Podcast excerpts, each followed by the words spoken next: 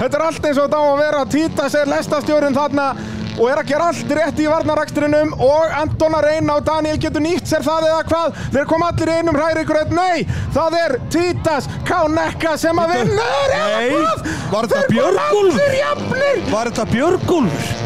Hæ? Það skeði eitthvað hjá Títas. Við þurfum að fá eins hæga endursýningu að þessu mögulega hægt er og ég held að bara keppnisaldarar þurfi það líka.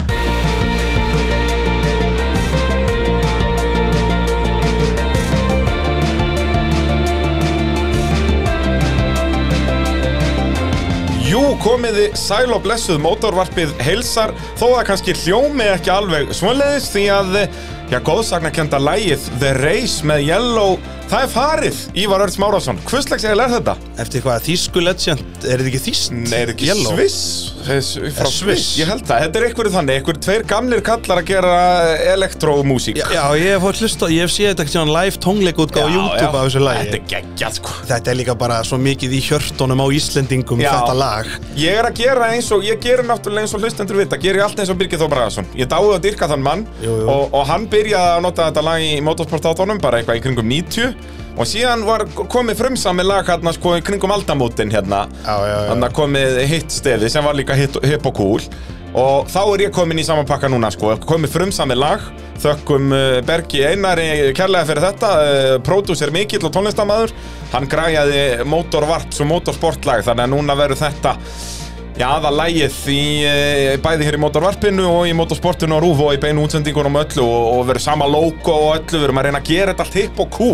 Já, nú segir bara að þú ert komin á næsta plan, sko. Já, maður reynir, maður reynir. Já, já, já, Það er já. svolítið- svolítið svoleiðis. Þetta er að sjálfsögðu þáttur nummer 122 og í Nóa Sirius stúdíói podcastaðarinnar eins og við höfum verið frá fyrsta degi og eh, AB Varaflutir hafa einnig verið með okkur frá fyrsta degi og svo eru dásanlega fyrirtæki með okkur líka, tækjaflutningar Norðurlands, Bíljöfur, Bíla.in og Ólís.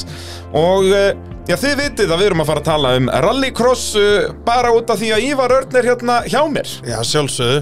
Þá náttúrulega, já við vorum í beitnu um helgina á, á motorsport.is á, á sunnudeginum Já, já, fyrsta keppnin. heldur betur fyrsta umferð Íslandsmeistaramótsins og uh, ætlum við svona þess að krifja keppnina, við náttúrulega vorum hann eins og ég segi í beitni á motorsport.is uh, allan daginn en uh, ætlum núna að uh, fara eins betur yfir þetta Já. hvað okkur fannst og, og, og allt þetta Það er henni nóg að ræðum, sko. Já, það er svolítið svoleiðis og er þá ekki bara um að gera að, að vinda sér beint í þetta byrjum á, á fyrsta flokknum sem kerður er, það er rúlingaflokkurinn Jú, jú, eins og vanlega. Já, og, og uh, fyrir þau ykkur sem horfðu ekki að beina útsendingun þá klippan hérna sem við heyrðum í, í byrjun þáttar það er þegar við Ívar vorum að missa okkur yfir þegar er komið þrýr saman yfir endalínuna Þetta var rosalegt. Við höfum bara, ég hef aldrei séð annað eins Nei, ég hef- Hvorki í þess Nei. að sjómanstáttunum hjá Bygga Braga Nei. eða með berum augum eða sess neitt Þetta hefur aldrei gæst Nei, ég, hef, ég held ég sé búin að riksuga held ég bara allt upp sem er hægt og ég man eftir klippum sem menn hafa skorið alveg á síðustu Já. stundu en þá eru þeir alltaf komni með svona alltaf hálfum bílnum á undan og fattarðu eru mig? bara tveir Akkurat, en ekki þrýr Já. og bara, þetta er bara svona eins og hann í Cars þegar hann tegði tunguna þarna til þess að ná þetta var eiginlega þannig Þetta er þannig, við erum að segja það að Títas Konekkas, hann er með stærstu tunguna þarna. Hann náði að illa, uh, já, nei, ég er fyrstur Akkurat sko, þetta er bara svona eiginlega spurningin ef ykkur hefði verið á Ameríku Jaris það hann geta tekt trínið örlítið framann Við erum aðeins þykkari framstöðara Já, nákvæmlega Þá hafa þetta gengið. Þeir komu þarna þrýr jafnir yfir endalínuna, eh, Títas Konekkas, Jóhann Ingi Fylkisson og Björgólfur Persi Kristinsson og enduð þeir þarna í fyrstu þremur sætunum. Eh, Ef við byrjum á uh, hinum enda listans, það var náttúrulega fullt af nýliðum að keppi sinni fyrstu keppni Jú, jú og uh, þar var, já, með lakasta árangurinn Helena Ósk Elvastóttir, enda hún datt hún, úr hún leik dettur snemma. út, já, hún dettur út Var mjög snemma eiginlega eftir fyrsta reyðlinni Ég var það ekki bara eftir fyrsta reyðinni Hún gerði ekki meir en tvo, allavega held ég Nei, held ekki, var í ykkur basli með bílinn Hún var á hvítum ægó, eða ekki?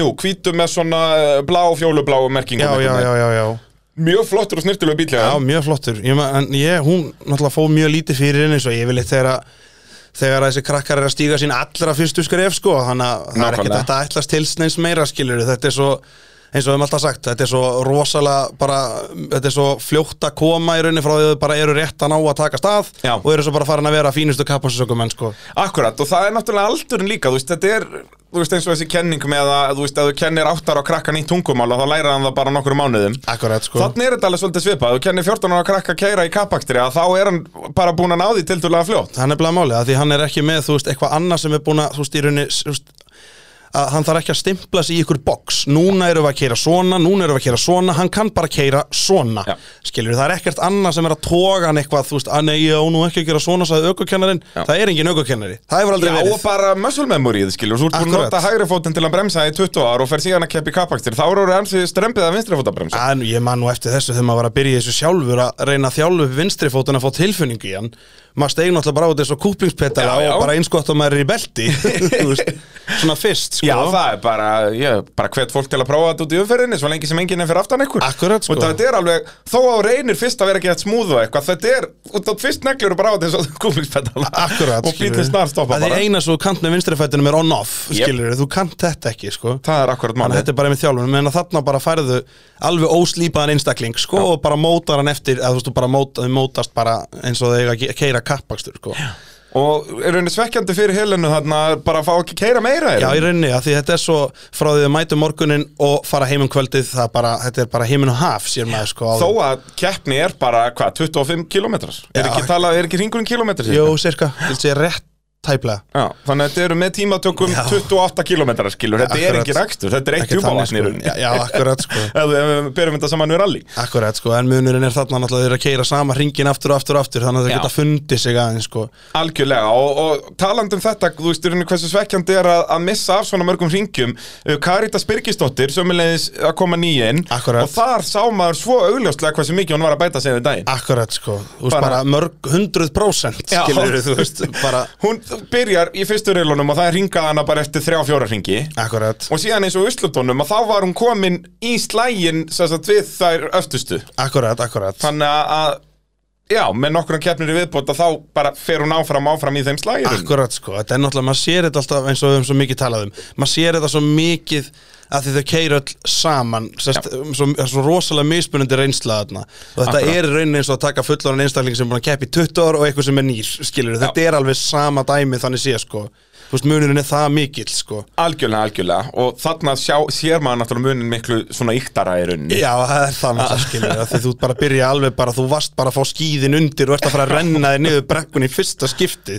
En sniðu reglan sem AIH er með að, að nýleðar og náttúrulega sérstaklega í úlingaflokki uh, það er bara regla að ef þú keppir í þinni fyrstu keppni verður að vera búin að kera brautum Já, ég er alveg sammála því, sko, af því þetta er svolítið, ég get alveg ímyndað með þetta sé líka bara svolítið óþægilegt með fullta með bílum, bílum, í braut Að því, eru svo, að því þau eru náttúrulega alveg nokkur aðna og bara allur háfaði og allt skilur þetta bara umhverfi trublið svo, bara leifa þær aðeins að vera í þínum eigin heimi og burra nokkra ringi, það bara gefur rosalega mikið held ég, sko. Já, ég held það, alveg 100% Já, já, gera alveg pottet, sko. og hérna Sörurnar tvær, Sara Máni og Sara Rún, þær komist hvoruðar í uh, A-úslitin. Þetta skiptist þess að það voru aðna 14 keppendur og það eru topp 8 sem komast í A-úslit.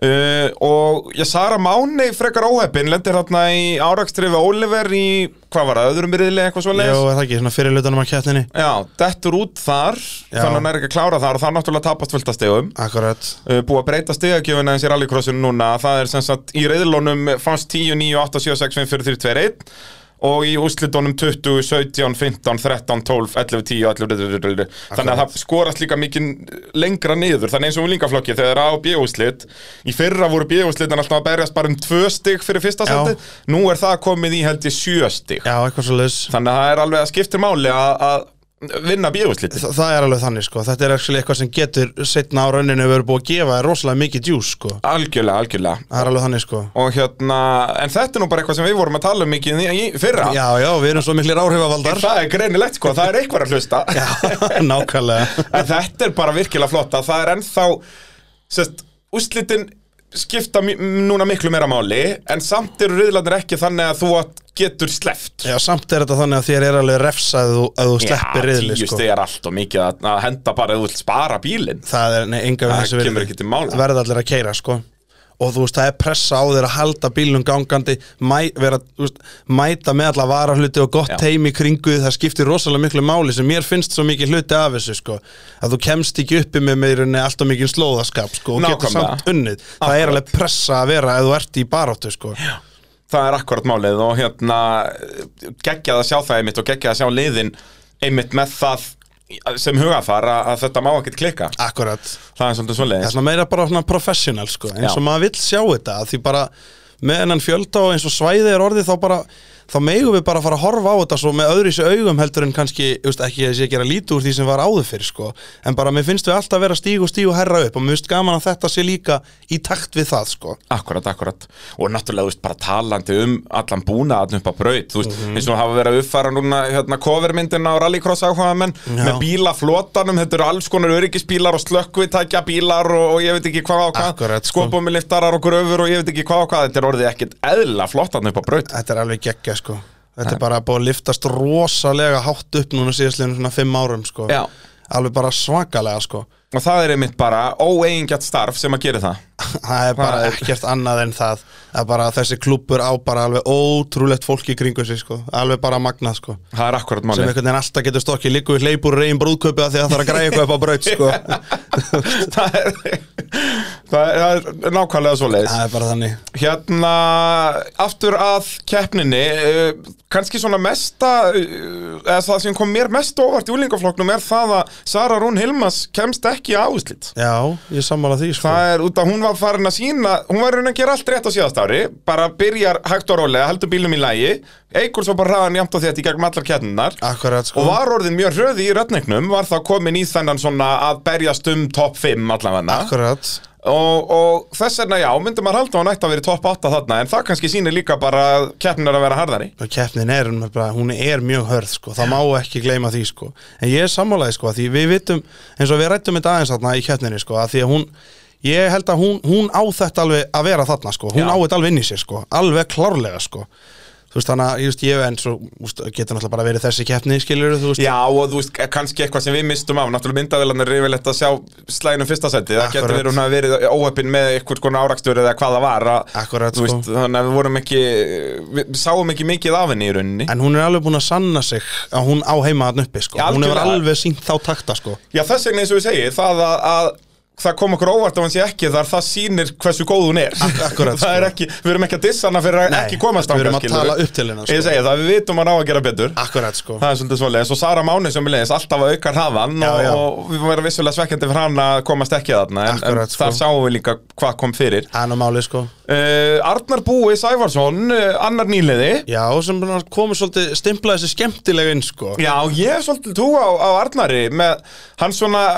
virtist vera svona tiltölu aggressífur, var samt ekki í neinum fíblagang Já, akkurat, að, mér finnst nefnilega að hafa mér ré- svona hafa mér rétt magn af því akkurat sko, vegna þess að hann er ekki að keira utan í allt og alla og sleppa því að bremsun í þessa beigja, en vissulega var hann að ofkeira Já, já. skilur mig, en það var hann líka mjög fljótur hann á ringnum, skilur Já. hann á tökum á þessu skilur, maður sá það alveg sko Það er líka, í rauninni til þess að geta keirt 100% þarftu að vera búin að prófa að keira 110% Akkurat, Þú og þarft að tóna vita svo hvar tilbaka mörkin eru, skilur Akkurat. og, og þá er fínt að gera þann og dæfingarnar í þetta og eins og þarna, hann var nú yfirleitt að snúa vesennast bara hann sjálfur, hann var ekki að taka neina með sér í svaðið sko. Nei, nei, hann er málið, en maður sá það alveg og þetta er svona hraðari leiðin að því að verða góður í þessu en Já, getur er líka- ekkert endilega kannski, ég veit hvað allar er að fara að segja þarna, getur verið kostnaðarsamari Já, bara meiri vinna í bílnum, skilur þú út meira rekkan utan í hinga og þanga og svona Já, og já. fíni flotti kapparspíllin er allt í enn orðin beglaður, sko Hann er enda mjög snirtilur og flottur hjá já, Arnari mjög. og hjá eiginlega öllum nýleðunum hann Já, já, já. Eiginlega, mér finnst eiginlega, ég er mest hrifnastur á pusjónum hjá Caritas, mér finnst hann geggja Já, ég er sammála því, mér finnst hann ógeðslega flottur Svona hvítur og hann er allt annað bleikt Akkurat. Og hún líka öll, hún er bleikur hjálmur, bleikir skór, og Já, þetta er bara já, geggjað sko. bara KFC-krúi veit alveg hvað er að Já, gera það veit hvað það syngur Já, ég er samt alveg sammálaði, mér finnst þetta mjög Mér finnst þetta einmitt svo geggja við þetta, þetta er svo mikið svona fagmennska, sko Já, algjörlega Og líka, þú veist, út af því að þú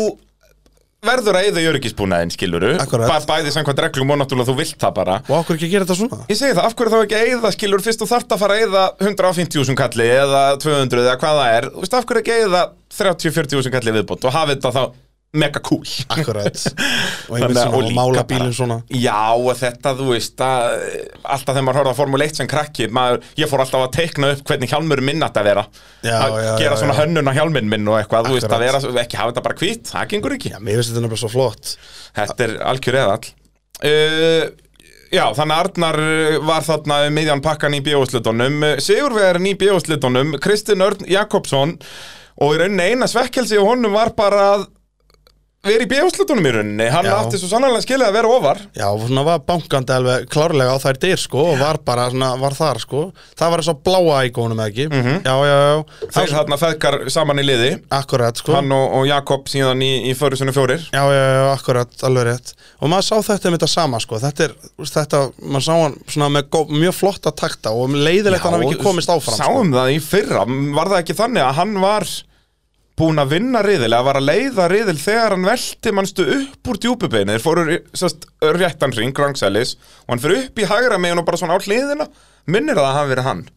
Aha. og endaði á toppnum með eitthvað svo leiðis hann var allavega í fyrra var hann kominn í svona þennan allavega topp 5 slag sko. Já, já, já, já, já. Þannig að að svona eins og bara svipa á Sararún í rauninni akkurat, sko að, að svona Svona þessi, ofarlega í mittfíldinu, Já. ef svona má segja, sko Það er akkurat þannig en, en eins og ég segi, þetta sýnir bara hvernig slagurinn er orðin að, að þessi nöfn sem voru orðin hröði í fyrra eru bara í bjöfaslutunum í fyrstu keppni í ár Akkurat, og ég elska bara að tala um A og bjöfaslut ég elska að það séu svona margir út að það er með svona keppendafjölda þá verður kappakturinn automatist miklu skemmtilegri það er alveg þannig, sko Það er- við vorum bara heppnir í rauninni með hinaflokkana, þú veist eins og opnaflokkin og 2000 þegar voru bara tveir eftir í rauninni Já, og það já. voru það sem tveir jafnræðir bílar Akkurat, sko Út að það, það er ekkert sjálfgefið A- Alls ekki, sko, alls ekki uh, Þá skulum við færa okkur bara yfir í A-úslitin Þar voru topp 8 sem að voru að bítast og berjast uh, Og náttúrulega 5 í toppslagnum eh, Eins og magnaður að segja Já, það akkurat. Þeir komu þarna 5 í lest Þú veist hvað, ef það hafði verið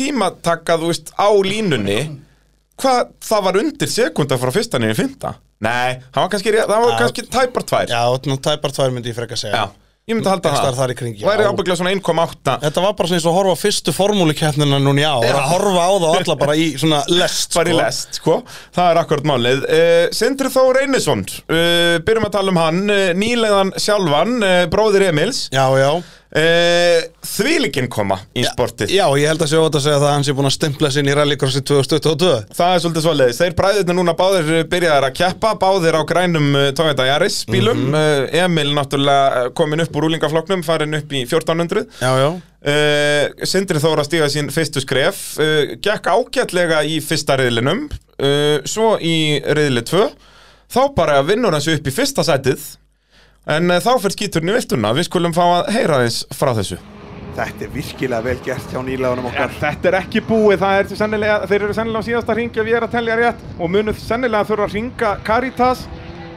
Þá reynir á reynsluna, sína, sína þroskan, sína, þú verður að vera rólegur, ekki bara grípa fyrsta tækni. Nei, nei, nei, nei, ég trúi þessu ekki Fer í dekkina innanverðinni Sindri Þór Reynisson og kút veldur Jarisbílnum hæðum allu upp fær í lægi með Sindra Já, það er þessi fræga hægri malarbeigja þarna Jú, jú. og klippir dekkin, við sáum þetta eh, hvað, þetta gerist nú þrisvar eða fjóru sinnum í retningmótinu fyrra, bara í retningmótinu Akkurat, þessi Það- beigja er búin að taka á marga bílana heldur betur og, og Sindri aðeins og vinnarlega þarna, Já, eh, búinn já. að peppa svolítið upp, komin í fyrsta sendið Akkurat, sko, maður sá það alveg, sko Þetta er bara, þetta er náttúrulega alveg grátlegt En hann er rosalega, en þú horfir á þetta Þannig sindri, að hann er rosalega reynslunni ríkari eftir þessa keppni, sko Hann læriði miklu meira, bara svona eins og Niki Láta segir alltaf Læriði miklu meira á því að tapa heldur en að vinna Já, já. Auðvitað er þetta ókyslega svekkjandi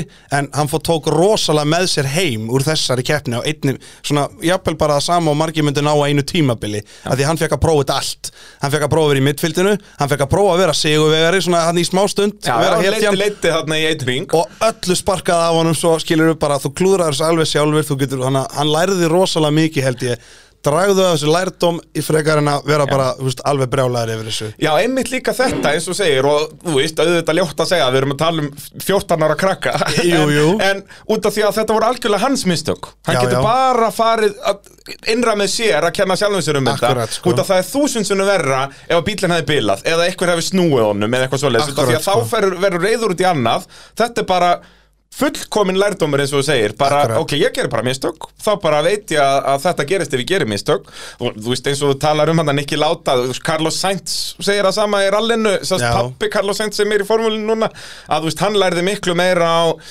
98 veseninu þarna þegar hann var að 99 þegar að vélinn bilar í 99. korólinu hans að að hann sagðist að það var miklu meiri hann lærði miklu meira á því heldur nokkuð tíma að vera heimsestari sko. að það er nú máli, sko að, þannig að, að bara upp upp og áfram þarna sko. já, já, það er bara, það er bara upp áfram og rísa, bara rísa upp og áfram gakk, sko Já, og- hann hefur rosalega hraða, flotta Já, ég tækni bara get ekki beðið eftir að sjá hann í slagnum út af því að það er náttúrulega líkilandir í þarna að hann nær, þeir ná að gera við bílinn hann veltur fjóra ringi tilturlega heppin með sko hvernig hann lendir, hann tekur hann náttúrulega alveg fyrsta ringin og rúmlega það bara í loftinu og, en er síðan heppin með sko hvernig hann lendir, hann fær aldrei þessi svakalegu þungu högg á bílinn, þetta Akkurat. rúllar bara rúllar hann fjóra ringi Akkurat. þannig að bílinn sleppur svona tilturlega vel, er, er létt dældaður ringin, bara, Jú, jú. bara smekklegt Þannig að líka þetta að, að geta hoppa strax upp í bílinn aftur Það þarf ekki að hugsa um þetta næsta mánuðin akkurat, sko geta kert og að krafsa sig bara í dýrmætt stig, sko Já, geta, komast í áherslitin nær, nær í, sem er bara í, í fulltastegum þar Þannig að Mhm,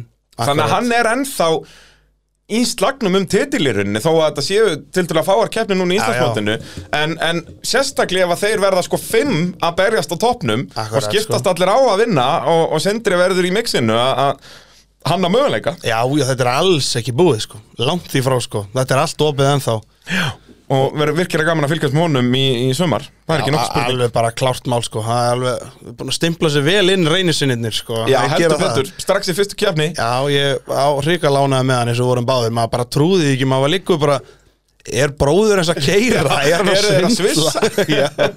Nei, þetta var glæsilegt hjá þeim ég, Það var svona flott hjá honum framan af sko En það er heldur ekkert grín að vera allt í hennu bara fremstur Með enga reynslu þannig Já, sé af búin að brautinu keira sex ringi í keppni sko. Ég er að segja það og svo allt í hennu ertu bara fremstur og nú þarfst þú að leiða hópin Horfandi í hérna, speklana og heila hína bílan Já, alltaf fyrir ef aftan hann hefur engan að elta, skilur Þú Akkurat, getur ekki sko. bremsa á saman tíma og bílinn á- á- fyrir framan bremsa Það er nefnilega málið, allt í hennu þarf þú bara að stýra leiknum sko og það er bara ekkert grín svona með litla reynslu sko Nei, nei, En þessi, hann fór reynslinu ríkari heim heldur betur uh, Sindri einn af tveimur nýliðum sem að komust í A-úslitin því að Oliver Aron Magnússon uh, gerði það líka mm.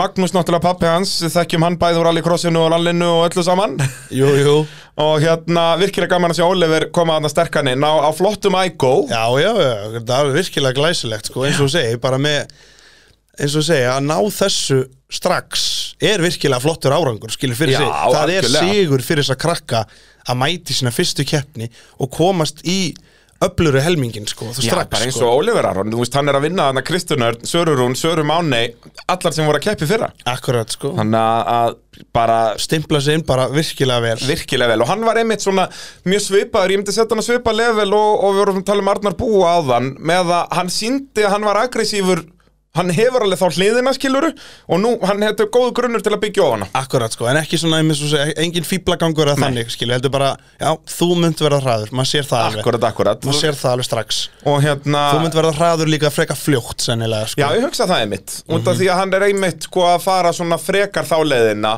En, en þá líka þarf að passa sig að hann fara vel með bílinn Akkúrat.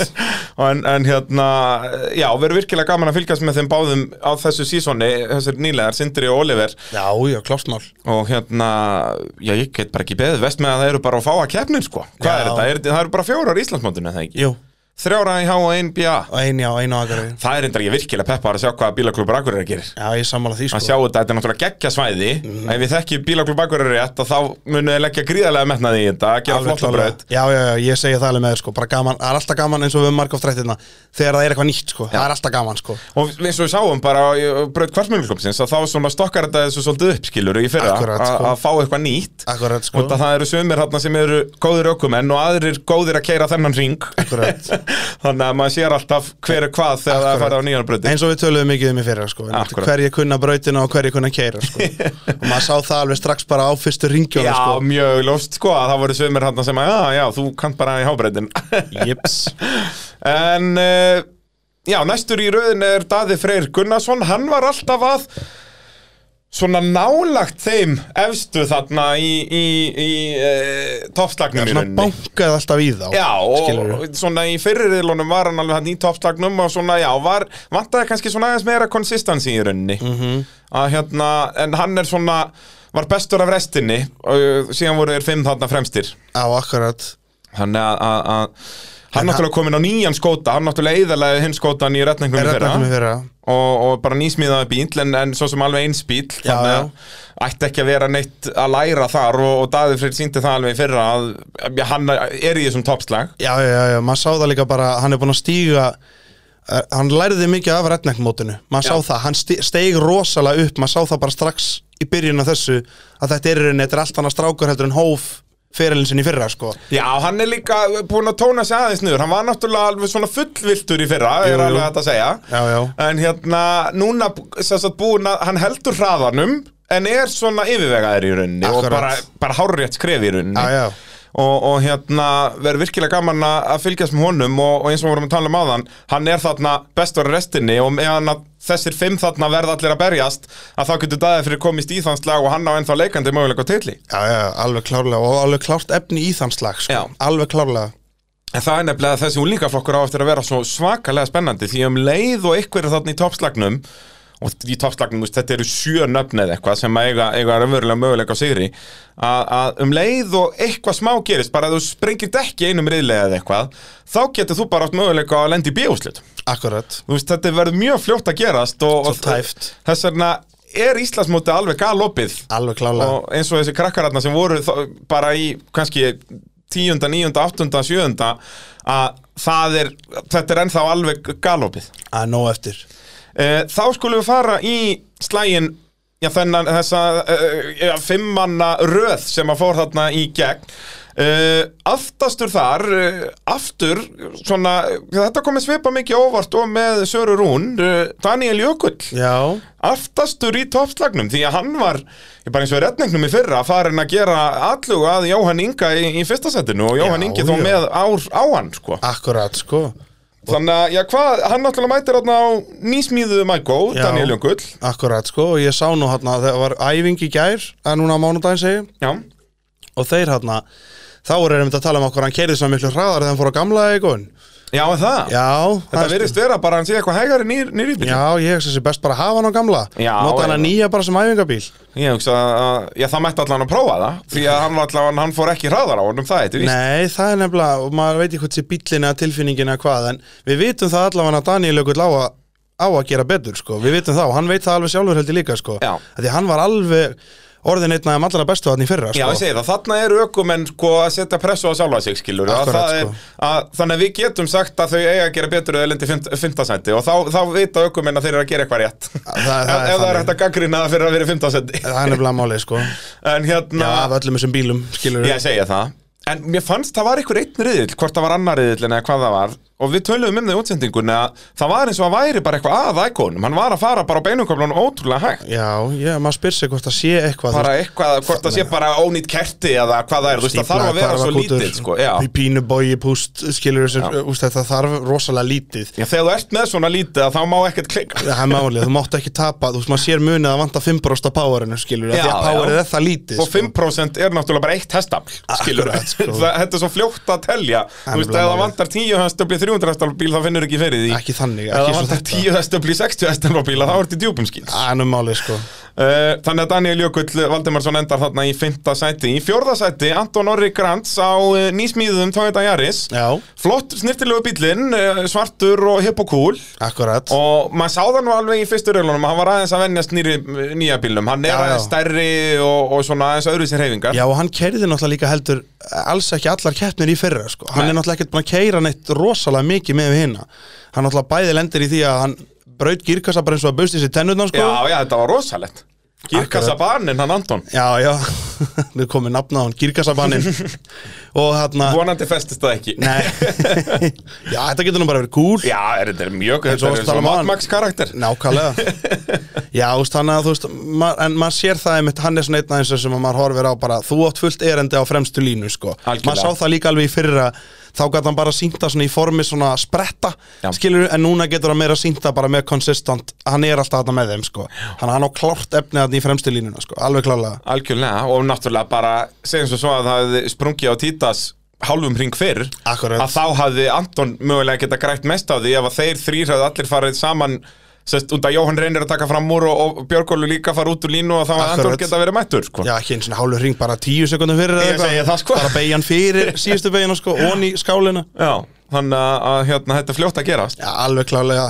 já þeir eru keira svona, svona bara eins og allir dansa konga sko Já, og eins og bara með hvað jókerringurinn, hvað það var magnað að- að maður vissi ekki hvort það myndi koma út skilur í öðru sæti eða fymta já, Akkurat sko Það var bara, það var engin munur á því skilur að, að hvort þú undistýrir aðeins og mikið aðeins í síðustu beginni í okkurnum eða ekki skilur að Akkurat. bara því líkur kappakstur sem við fengum að núnda því að júlingaflokkur var búin að vera svona tiltulega rólegur um daginn sérst hvað var það kappakstur Akkurat sko, þangar til hann í endan Já, en það er einmitt bjútið við þetta ef það eru svona margi bílar að fáum A og B úslit að þá loksins í úslitunum fáum við alla bestu Akkurat sko Þá er þetta- erum við búið að splitta þessu upp þess að reglunar eru þannig að þetta þessu splittað upp eftir árangri í tímatökum að, að besti tíminn eh, fer í móti þriðja, annað hollið já. á móti þriðja, fymta, þú veist, átta tölunar og móti slettu tölun Akkurat uh, og svo fáum við alla, alla þá sem eru með besta árangun samanlegt eftir daginn í, í úslitin Akkurat sem er tær snild uh, í þriðja sæti í úslitónum uh, og í þriðja sæti í Íslandsmótinu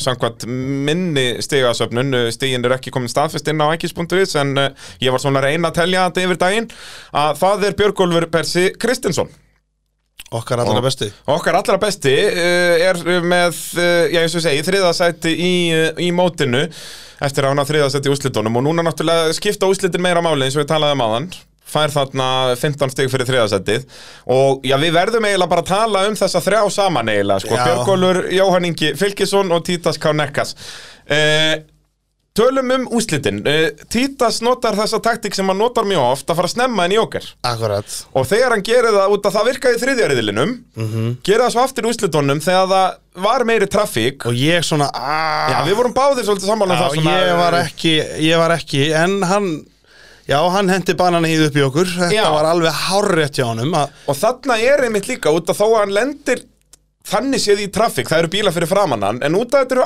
áúslitin, þá eru náttúrulega allir bílar miklu hraðari Akkurat, heldur en sko. í, í riðlunum Akkurat Og það er það sem hann græta og bílarnir sem voru fyrir framann hann fóru til dæla fljótt inn í okkar Já, hann er reyndar heppin með það líka sko. Vissulega, það er ekki hann sem stjórna því Nei, nei, það er ekki, þú getur allt í enn lendi að eitt bíl hægar en þú bara, er, nei, ég ætla bara inn á síðasta ring Já, já, og þú akkurat. getur lítið í því gert, hann tefur því þó að sé ekki nema tvær beigur, þá ertu bara að tapa þessu sko, að því Já, munurinn það er staðar fara mjór þessar fimm bílengdir sem voru að milli þeirra yfir endalínuna skilur Akkurat sko, Og það er sem munurinn á hann fyrsta og gerir, fimmta. fara snemma inn og í rauninni láta sig hverfa úr slagnum þannig að strákarnir í rauninni gleym honum þeir, svo eru þeir bara að berjast eitthvað annan og þeir týnast inn í jókerinn svo bara alltaf þeir koma út, einna, einna fætur öðrum alltaf fyrir aftan hann sko.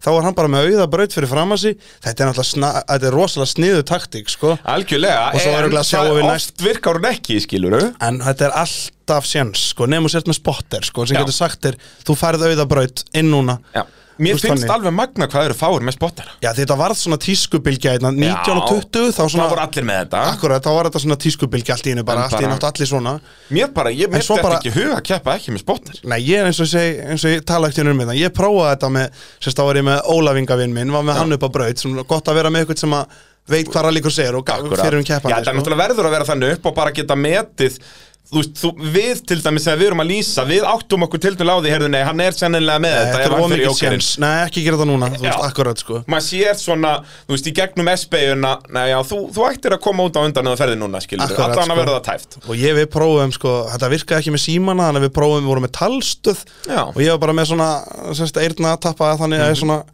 og þetta, mér fannst þetta algjör snilt sko mér fannst þetta líka bara svo Þetta er svo reis Mér, já, mér fannst það nefnilega sko og svo ég sé alltaf copy Já, Þú veist, þú veist, það mér finnst það bara svo cool Þetta er svo hipp og maður cool er búin að horfa á formúluna síðan með á bat Ég segi það og það er allir þarna En þú veist, ég held að líkilatrið í þessu er að það má aldrei vera neitt spjall þarna Nei, nei, nei, Þetta nei, er nei, bara nei. stikkorð ég, ég, er alveg, ég er alveg hjartan að samála því Þú veist, hann var bara með, þú veist, Pusho í Joker þú veist, Já. bara að segja mér raunni hvað var að gerast fyrir aftan mig, sko Akkurat þú veist, og þannig, sko, þú veist, og, og svo var gaman, þú veist, þegar maður vann einnig reyðilskilur þá, þú veist, öskraði hann í talstöðuna og svona, það var svo gaman geggjað. Og heyri í bakgrunninum allir Já, "Ey!" akkurat, sko, Þetta þú veist, er það bara- var alveg mega gaman, sko Ég get, og þá líður manni eins og sé ykkur með manni í bílnum sko. Það er mitt málið, sko Það er, og ég, ég bara eins og ég segi, ég skil ekki af hverju allir vinn ekki með þetta út af því að, þetta, Allavega fleiri já, bara, eins og ég segi, það, ég, mér myndi ekki þetta, og sérstaklega eins og þegar það er svona kapakstur, þetta er Já. kannski annað að þú ert í 2000 flokki með þremur öðrum bílum, skiluru, Akkurat, sko en, en þarna, úlíka flokki, þú veist að það verður pökkubraut,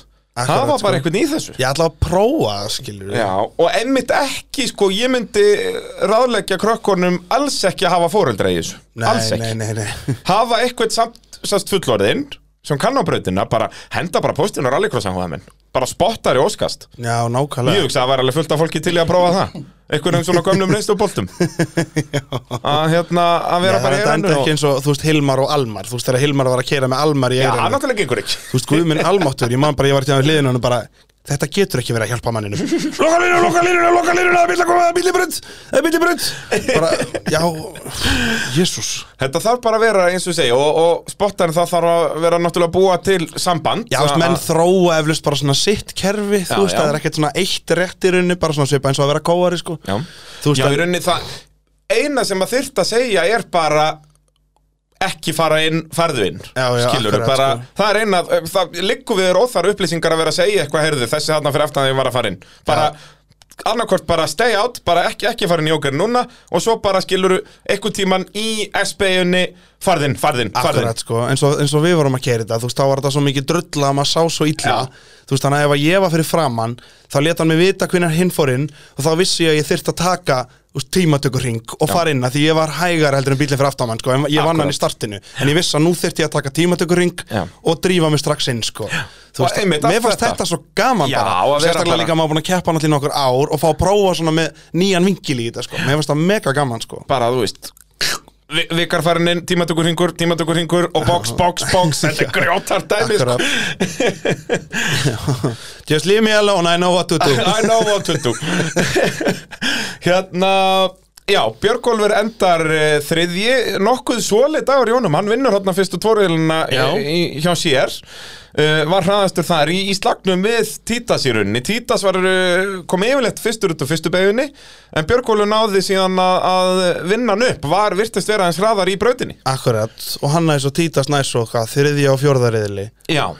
Þú veist þannig, að- en já, ég er svona Björgólfur er svona, mér finnst hann alltaf, mér alltaf fundist hann svolítið skemmtilegur af Því að eins og áriði fyrir hann, hann fór rosalega svona upp og niður, sko Já. Hann prófaði bæði að vera bara mjög hægur, hann prófaði að vera ofræður og velta Svo gæti hann líka átt bara alveg geggja daga, sko, Já. þú veist alveg bara, hann var svona rosalega Hann var of mikið upp og niður, sko. Akkurat, ekki svona stabíl, sko Nei, En hann þannig er- að vonandi núna hann kom inn í þetta tíumbil og eins og lítur út fyrir núna var bara solid í, í hraða og, og sapnaði fullt að stegum með, með 41 steg samkvæmt mínum uh, reikningi Já, já, já, já Þarna, uh, þannig að já, lítur vel út fyrir Björgólf Já, alveg klárlega, Ekki sko, nokkur þú veist, og spurning. þessi keppni fannst mér hann einmitt bara mjög öflugur En ekkert að yfirkeira hann eins og leist bara virkilega öflugur, sko Já og, og, hann var hann í riðli með Títas Konekas Já, já. virkilega skemmtilegu slagurinn þar og, og þessi helgi var bara mjög mikill svona taktískur sigur fyrir Títas fannst mér Já, hann uh, hérna kom oft fyrstur upp úr fyrstu beigju og náði yfirleitt að nýta sér jókerinn vel. akkurat sko Það er rauninni Björgólfur tapaði svo svakalega á því í þriðjarriðlinum. Þá alveg kveldskeitan með jókerinn, mannst. Já, já, já, já, Og endar þarna, já bara ring eftir ring eftir ring Já. á eftir hagfarari bíl. já ég man eftir því sko alveg bara var hræðilega vali hjá honum sko Já. Og þar fær hann bara sex stig. sem, er úr þeim náttúrulega- riðli. sem er náttúrulega líka eins og við, við erum að hrósa títa sig fyrir þess að geggju í tækni en svo þú veist gerir Björgóru þetta líka og alveg Ég tapaði segi það og hann, hann er að gera það sama og Við- Títas var að gera. Þú veist, Akkurat. þannig er þetta bara hefni, sérstaklega ef þeir eru ekki með spottara, þá er þetta ennþá meiri hefni. þá er þetta bara reyni á Að, að þú tekur sjensinn bara. að þú veist maður, er of, maður var ofta að reyna svona þú veist rýna í það þú veist, þegar að maður þú veist eins og maður fór í S-ið þá var maður að reyna að horfa þú veist eða þá eins og löngumölna þá horfum maður til vinstri maður var svona að reyna að lesa í hina bílana sko þú veist en það er rosalega erfitt sérstaklega ef það er blöyt keppni sko Já. og allt í dröllu út um allt sko Algjörlega og bara, ég er náttúrulega svo óheppinn að ég hef bara einu sinni kefti í rallycrossi með þessu elementi, þessu jókerring og bara með fólki í kringum mig Já, ég akkurat. kefti náttúrulega í þrjú ár bara einn á brautinni Já, nákvæmlega. en síðan hann 2014 fyrsta keppnin og þá er mitt og þá fann maður líka alveg að það, maður hefur ákveðna tilfinningu fyrir þessu skilur þú sér náttúrulega þegar að bílinn beint fyrir aftaði eða tveimur bílinn fyrir aftaði fyrir inn Já, já, og þú áttar þig á því, ok, þú veist eins og þarna vissi ég að ég var lesta stjóri yfirleitt, ég var yfirleitt að hægari bíll í, í röðinni út af því að það var ekkert vökkvastýri og öll dekkin voru að beinu vittlaus átt og Jú, allt jú. ásamlegt að þá áttaði mig sig, ok, já, ég ætla þá að fara að geða þetta rætt núna og fyrir síðan inn Já, þú já, já. Að, sko, alveg sama hvaða hringur það var, skiluru Akkurat. en þetta er, eh, þetta er mjög mikil kunst, þessi jókerhingur sko, sem, Ah, hann er og er það. búin að bara lifta þessu eins og við erum alltaf að tala um, þetta er algjör snild já, já, þetta er bara, og, ne- bara þetta er svo stór hluti af þessu sporti að hafa þetta, sko, að þetta sé ekki bara spurningum eins og maður bara, þú veist, horfðu bara á gamla klippur og horfðu bara Áskerurnar Rúnarsson vinna á mústóknum, trekki, trekki, trekki, Já. trekki og þó að Selika Súbrann hafi verið sko þreymur sekundum hraðar í tímatökum skiptir ekki máli, þú veist, það var bara með mesta aflið skilur bara ekki snúa mústóknum þá vinnur Já, þú veist, bara þetta hefði traktorinn í breytt starti. svo mikið og þegar Guðbergur á porsinum og svona, þú getur ímyndaði hvað þetta hefði breytt miklu Já. Allir þessi BMF-ar og þetta dót sem voru fyrir aftan Porsen alltaf skilur Akkurat, sko. Geði ekki rakstu spila Já, og þú veist, menna, Cosworth Escort þú veist, svona, þú veist, og eða þú veist, svona RS2 Escort og bara fullt af flottum tækjum Já. en bara, þú veist, hittir svo ógeðslega upplutta stað, bæði Porsin og Mustangin hefur það, þú veist, enda Mustangin fór upp á braut og fór, þú veist, minni mig þú veist, háar 11 sekundir eða eitthvað skilu þetta var bara kvartmýlubíl sem var kerður á rallycrossbraut Akkurat. þó það var búið að tróða náttúrulega plasti í allt og einhverja fjöðurinn og bremsur en þetta er samt Mustang bara, Já, það geggja þátturinn þegar ég fekk ásker hérna í spjall sko, þegar hann var að lýsa þessu trilltæki sko. alveg ekki Það hérna, en uh, Já, jókerhingurinn tærsnild Í öðru sæti, eh, Jóhann Ingi Fylkisson uh, Var þarna eh, 0,05 sekundum á eftir eða svo Þeir komu Akkurat, þarna þrýr sko. saman yfir línuna En hann var búin að gera allt rétt allan daginn Og var bara með algjör yfirbyrði sínum eh, reyðli Ég alveg bara rústaði gjössamlega sínum hluta af þessu sko fullt hús stiga í, í reyðlakeppni 30 stig, 10 stig í öllum reyðlum uh, staðan í Íslandsmótinu nú er ég ekki með, ég bætti ekki við stigum úr tímatökum, var ekki Jóhann hraðastur í tímatökum Jú, þannig að hann er manstu hver var annar í tímatökum? Nei.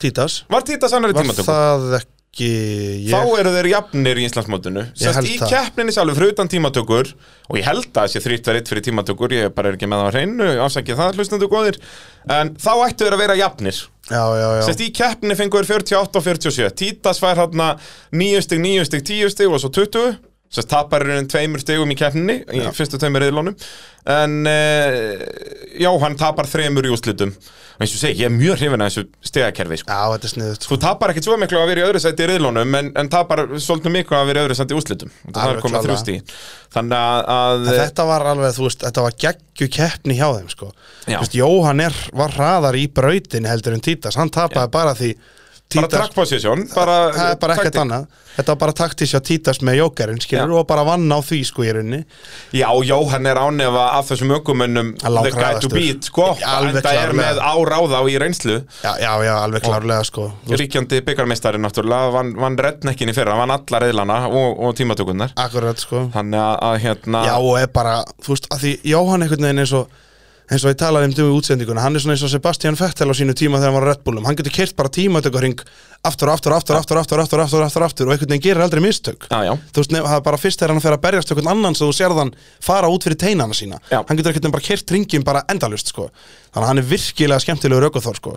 Algjörlega og verður strempið fyrir þessa hinna að, að vinna hann í sumar já, alveg klálega, hann er svona einn af þeim sem að ég var ógæslega til í bara hendunum aðeins upp í þúsund flokk Já, Skilurðu? Já, þeir eru nú ansið margir, eiginlega allir hérna bara í topp 5 eins og okkur langaði svo mikið að taka, láta hann keppa við Arnar Eli um rednekkinni fyrir að mástu það var alveg, ó, það var synd og sko, menn það var ekki að því Já, ég held að sé bara gott fyrir greið Arnar okkar að Jóhann ekki tekið hann og slátra á honum Já, það er svolítið svoleiðis Ég held það nefnilega sko Og- En við sjáum þetta náttúrulega alltaf í tímatökum Það eru alltaf þarna 2-3 rúlingar hraðar Já, já. en hraðasti þúsund Það er alltaf þannig sko Það er, ég man ekki eftir síðustu Ég held að það veri ekki verið neinn keppni í fyrra sem að einhverju þúsundflokki var hraðasti þúsundbílinn í Nei. tímatökum Það var alltaf einhver rúlingur Já, það kemur ekkert ávart Það er bara að, að þeir voru annarkvort þarna Jóhann eða Emil alltaf í fyrra Þannig að- að, Akkurat sko og nú, nú er það, voru það Ég var ekki Jóhann Tíntas og Björgólfur hra, hraðar en hraðasti þúsund, ég held það Jú, við minnum það, við vorum eitthvað að fa- við fórum Já, yfir við þetta rindum aðeins í þetta í Já, útsendingu. ég held það, þeir voru tveir eða þrýr Allavega tveir, bóka, já, það var allavega Títas og Jóhann sko Jú, ég held að Björgulur hafa líka verið Já, það ekki og svo kom 1000 bíl Já. og svo komu næstu þrýr Næstu þrír úlingar, sko. Uh, Sigurvegari í úlingafloknum í fyrstu umferð Íslandsmeistarmótsins Títas K. Nekkas uh, Hans fyrsti sigur er það ekki Ég held það. Hann vann aldrei, hann var alltaf í topplagnum í fyrra en ég held að hann var aldrei unnið Nei, ég held ekki, ég er samt ekki alveg klárað nokkru Já, já. velunapöldum, minn, minn minnir það Ég held að hann hafa með þess að oftar en ekki verið á palli sko. Já, eiginlega bara alltaf þegar hann mætti Hann náttúrulega mætir heldur ekki alveg í alla keppnir Nei, ekki fyrir allavega Þannig að hérna, Man ég, sko. vonandi núna bara mætir hann í alla keppnir og það getur ekki hann að vera Hann, er í, hann leiðir Íslandsmótið og geggjar í þessu slag sko. Já, heldur betur og, og svona, það, hann hafði ekki saman brautarhraða og hinnir Bæði í riðlónum fannst mér Björgólfur hraðari og í umslutum var Jóhann hraðari En hann spilaði góðan varnarakstur, það var ómögulegt að taka fram úr honum og, og taktikinn virkaði Akkurat, sko Þannig að bara magnaður akstur og, og við sögðum þetta nú strax í fyrra með Títas að hann kom inn í þetta strax og hafði hraðan Alveg klálega, hann var svona einn að maður spotta þetta strax sko. Já. Hann var svona eins og þú veist í rauninni Þú veist Anton og Björgvin og þú veist hann var bara, maður bara á, Strax, Já. maður vissi það bara að þú eru góður Það er akkurat málið, býtu ég er að fara hérna yfir eh, tímabilið í fyrra og hann vinnur aldrei Já, þetta var hans fyrsti sigur í, í rallycrossinu Já, og virkilega vel að þessu sigri komin Bara Já, átti þetta og bara virkilega skilja meiri sko. dramatík hefði þetta ekki geta orðið Nei, mér að sprengja hérna í síðustu beigju Og í Já, rauninni bara en, en ef að hinnir tveir hefðu komist fram úr greinilega þá var þeim fengið núlstig Já, því þetta var að guðlu flaggi Mhm. Já, það var gult flagg hérna Ég skoðaði útsendingun aftur og það var rétt ábyrningin sem við fengum að þarna var gult flagg Þannig að Það var eins gott að Jóhann fór ekki fram úr Já, mjög heppilegt að, að eh, í rauninni keppnisaldara mátu og svo að staðan breyttist ekki þarna og það var náttúrulega ómögulegt að sjá það það er engin Já, já. lína og þetta er í miðri beigju og, og flaggarinn stendur ekkert alltaf á sama stað og, Nei, þetta er bara og allt ekki þetta. hægt. Þetta er ómögulegt að, hérna, þannig að, að magnað og, og já, heppilegt fyrir Jóhann Inga og Björgólf Já, að Út af þau, það hafi verið núllstig akkurat Og Títas að ennþá fara heim í sigurinn sko. Ég segi það. Season hefði þessna geta verið bara Eiginlega bara nánast ónýtt Já, na, liggur við, þá hafði dugað honum að vera þarna bara í öðru til þriðja sem þetta eftir er náttúrulega, þetta er eitthvað sem hún leikur er ekki með að fara framur á gulu, sko, Nei. það má alls ekki, sko Já, en þú veist, þarna held ég að á þessu augnabliki þó að þú vissir það fyrir tveimur sekundum síðan að þá bara gleymur því þetta er þannig, þetta er ekki, þú veist, þetta bara það er bílaða bíl fyrir fram að þig, þú fer fram úr og flaggið já. er þarna, skilur er, það er bara þannig, skilur, þetta er ekki einhver einbeittu brotavili, sko, Nei, þetta er nei, bara nei, nei, nei. kappastushaus, sko, á Algjörlega, ég held börnum að sérstaklega allir bara þó að hafi verið búin að vera keppi í 100 ár hafður Já, gert ég, þetta, veit, sko ég veit alveg hvað það er, en Og okkur hefði var sennilega- guldflag Það var sennilega bara út að ykkur var búin að sparka upp dekkjónum hann maður Já, myndi halda það, en á að veifa gula og það mér finnst, sko, sko mitt persónlega mat Já. er það að þegar að fólksbíladekkin Já. fólksbíladekkin eru komin eitthvað þarna mér finnst það algjör óþarfi Já. og eins eða dettur stuðari eða innrabretti eða eitthvað svona drastl minna við erum nú að keira brautin oft það slæma að það er miklu verra heldur en að keira við stuðara Já. að keira bara brautina Já, bara fara upp á Malbyggi í djúbubeginni Já, ég er að segja það, þú veist Já, þannig að já. mér finnst þetta algjör og mér finnst þetta allt og mikið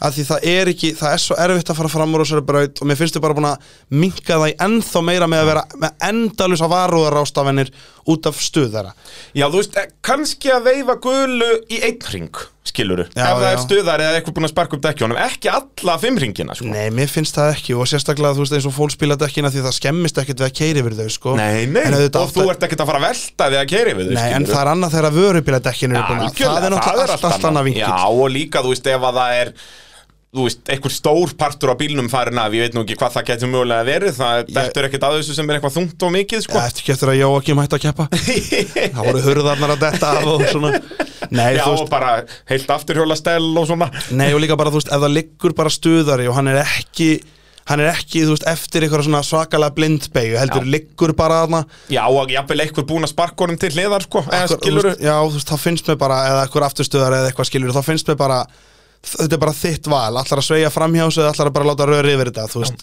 skilur mig, þú veist, mér finnst það Já, mér eins og finnst segir, það- þú veist kannski hafa þá gulaflaggi eitt ring þannig að allir hafi þá vitið þetta í næsta ring Já, ég fatt að það getur bara þú veist, flækt málinn ennþá meira Já, skilur eins og kannski. hefur nú gerst með að rauðuflöggin koma óvast Já. upp og Já, við menn lendum flækir nú í gult á því. næsta kabla Já, við lendum í því núna Lendum í því þarna að það var veifa rauðu Já, í og- þúsundflokknum en í öðrum reyli og- þegar þeir klessa allir á kontanann og einni veifa gulu, þú veist á vitlausum kapla, þú veist, Já. eftir slista, eða þú veist, slista Já, eftir þess að atvikið, akkurat, Já, já, já. við sáum það líka Og það er náttúrulega málið, þannig erum við náttúrulega með fólk í, í, í sjálfbóðavinnu sem að, og, og róterast mikið, skilur Það er Já, ekki já. alltaf sama fólki aðna sem Nei, kunna allar nei. reglur upp á tíu, Þa, sko það er nefnilega málið, þú veist, þannig að þetta er alveg skiljanlegt sko. Já, það er ekki það er ekki að fara öskur út af þessu sko. vita vonlust að reyna að gaggrína þetta skilur, þú veist, bara- ég treysti mér alveg að gaggrína skilur ef að mér finnst dómnefnd vera að gera eitthvað rámt skilur, Já, já, já, en já. aldrei ef ykkur starfsmæður er að gera eitthvað vittlust skilur, Nei, alls sem, sem, sem er í þessu, þessu tjópi, sko það, það, þú veist, að reglan gagvar þeim er í rauninni bara sama og eistnaflugi þarna fyrir austan, það er bara banna að vera Já. fáiði, skilur við gagvar þeim skilur það er bara nákvæmlega svo leiðis Þá erum við búin að fara yfir úlingaflokkin og þá getur nú mynd ykkur á það að AB varahlutur eru besta varahluta vestlun landsins og eh, virkilega gaman að sjá hversu margir miðar voru á bílónum í rallykursum núna eh, AB varahlutir duglegir að styrkja Íslands motorsport eins og þeir hafa gert síðustu ár og ára tvíi það er nú bara svo leiðis Uh, og tækjaflutningar Norðurlands ef að þú þarft að láta flytja eitthvað að landsóðnana á milli þá eru tækjaflutningar Norðurlands uh, fólkið í það flytja landbúnaða tæki og báta og bíla og trukka og vinnuvélar og ég veit ekki hvað og hvað þið þekkið þetta hlustendur uh, góðir uh, þá skulum við skella okkur í þúsundflokkin hinn eina sanna hinn eini sanni sko og, og þar eh, vantaði nú strax eh, einn keppenda bara að mótni Heiða Karin Fylkisdóttir var skráð til leiks en mætti ekki nei, nei. Uh, þannig að þetta voru þá hvað, tveir, fjórir, sex, þetta voru sjö bílar Já, sem já. mættu uh, Eitt er að, já, fjallu lestinni til til að snemma, Sigurður Arnar Pálsson á eðal uh, Kia Picanto Já, já, Sind og skömm að fá ekki að sjá meira af honum já, ég er nefnilega sammála því, maður vildi svona fá að sjá, gaman að sjá eitthvað nýtt og Já. sjá svona, og maður veit að Siggi er góðu keirari, þessna var maður svona spenntur að fá að sjá hvernig þessi tegund er því móts við ægóin, sko. Já, akkurat og, og, uh, En hann lendir hann í árakstri í öðrum reyðli Þá fengum við smá kaos þarna Þá Já. sést, Hann sprengir í fyrstu beigju vinstrað aftan mm -hmm. Mhm. Svo þegar hann tekur hægri beiguna fram hjá flaggaranum, Já. þá snýst hann og allt í abaskýtt. Já. Þú veist það bara bókstaflega.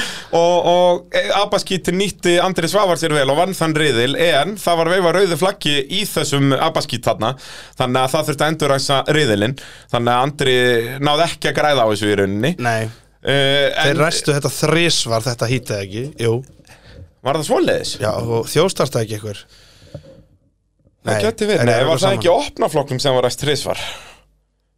Nei, það var ræst Jú, Tvis- jú nei, nei, nei, nei, það var þrisvar í opnafloknum. Konrad þjóstarsta og Konrad veldi. Já, akkurat Alveg rétt, já. Uh, en já, leiðilegt með Sigurð Arnar uh, að sjá ekki nýja bílinn betur en þú veist þetta var nú ekki mikið högg ég veit ekki hvort það hefur þá bara farið í sund eða tjónast vaskassi eða eitthvað hann hafi ekki verið með vara eða eitthvað Það getur alveg verið sko, eða eitthvað eitthvað í hjólabúnaði sem þú átt ekki þú Já. veist, þetta er náttúrulega nýlegi bílar, það er kannski ekki hlaupið að þið að fá varaluti þú Með veist, það er nota. enn eini svona gallin sem ég myndi segja við að vera á þarna Einhver Kia öðru. Picanto og að það er ekki allt morandi í varahlutum á þessu bara upp á braut eins og að vera á ægó Já, ég meina það er bara þú getur farið líka við að grafa hólur upp á braut og finnur eitthvað varahluti það sko bókstaflega held ég Hann að, eh, já, Sigurður Ratnar fekk ekki mörg stig í þessari keppni Eh, Sigurður Ingi Sigursson, betur þekktur úr torfærunni, Siggi Jibbi Hann er mættur á eða Lækó Já, Þetta já, já. Er, er þetta ekki Íslandsmeistarabílum já þetta er veiðibílin Þetta er ég sagði veiðbíl það vittlust þarna í útsendingun þetta er veiðibílin Já, þetta er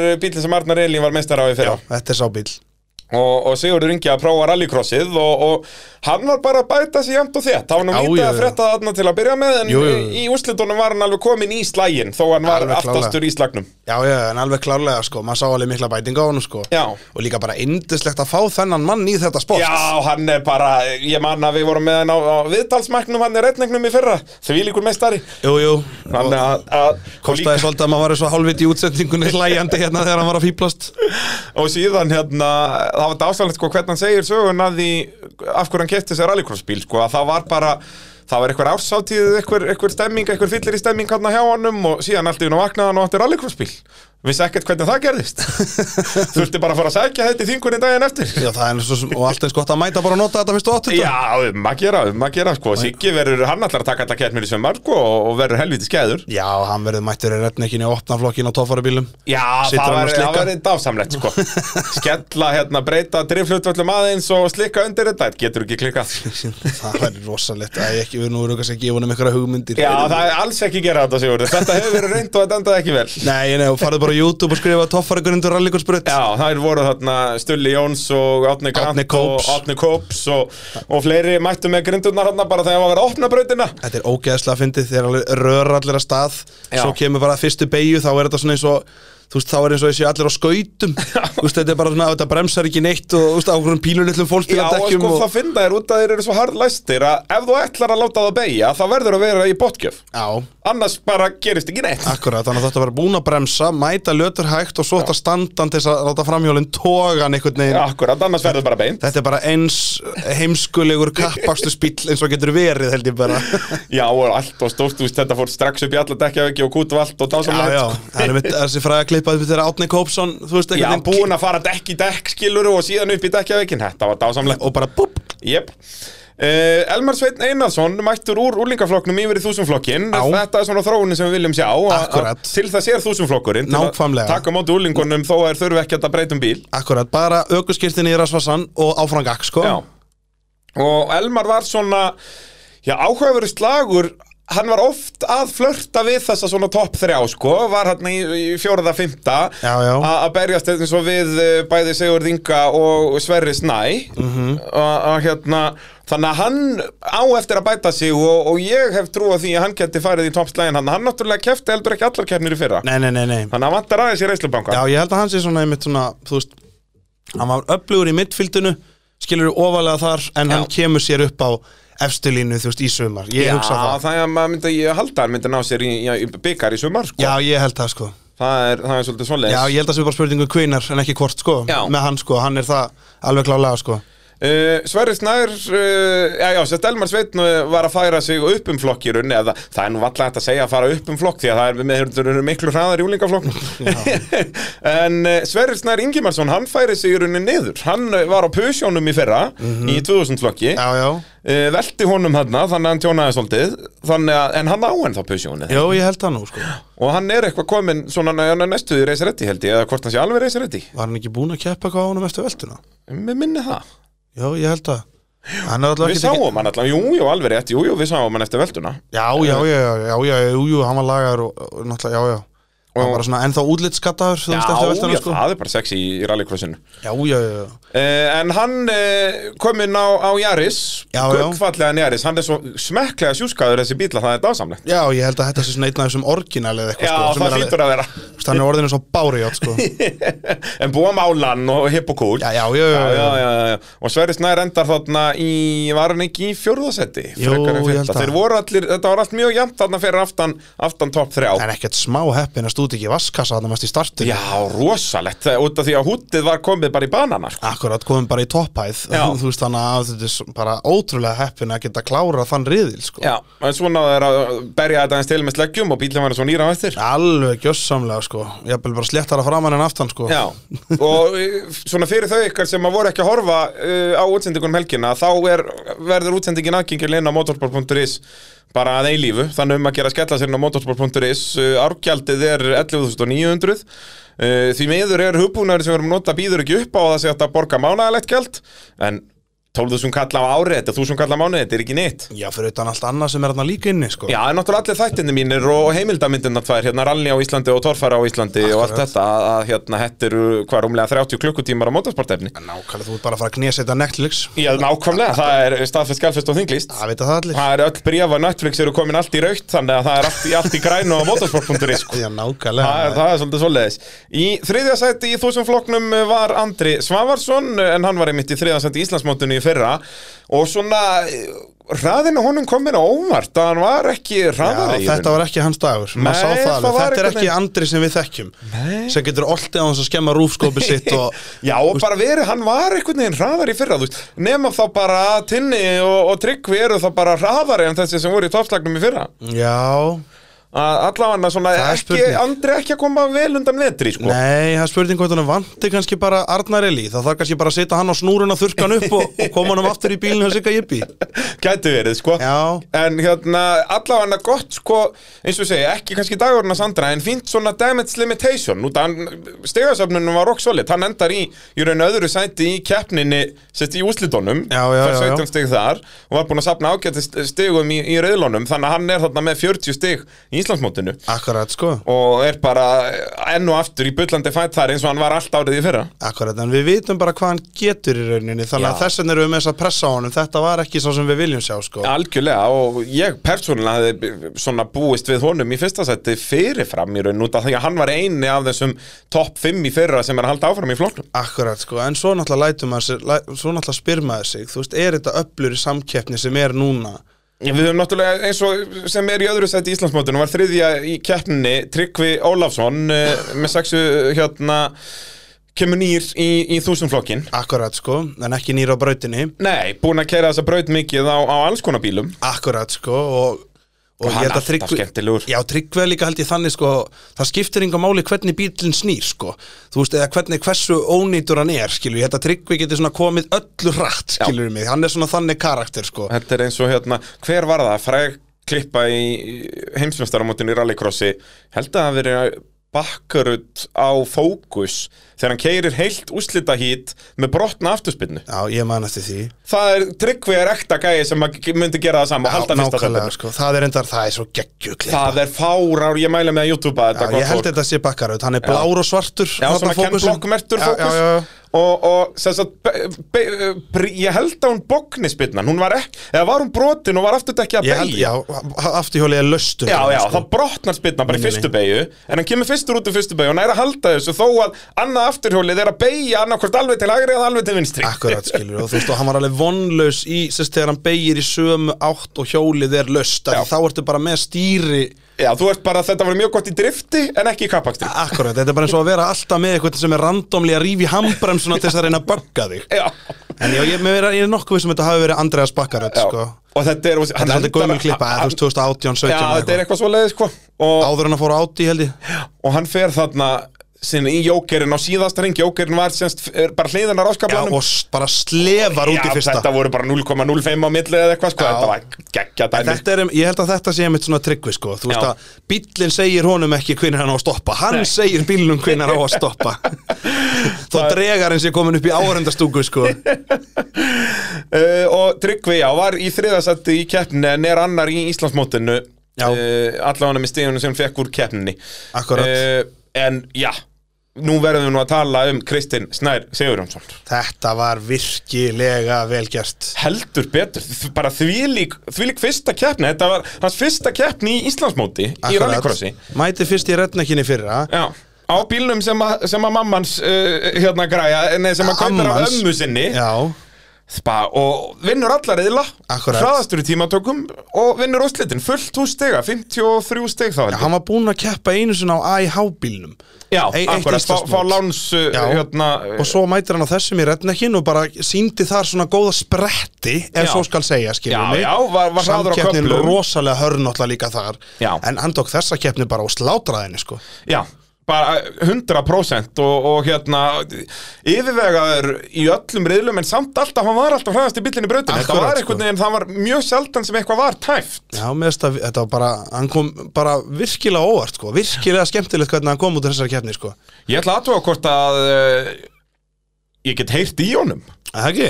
Ég er nefnilega vandamál núna, ég er ekkert búin að undirbúa símtölin eins og ég gerði fyrir torfærunna Þannig að ég er ekkert búin að láta hann vita að ég ætla að heyri í honum En ég ætla bara aðtóa hvað, hvað gerist Hvort hann svari, ég bara ringi hann á Messenger Ég er hann ekki vinnandi maður Jú, Góðan daginn, Brandur. Jú, komdu nú sall og blessaður, tinni minn Þú ert hér í, í beinni útsendingu í mótorvarpinu Já, blessaður. Já.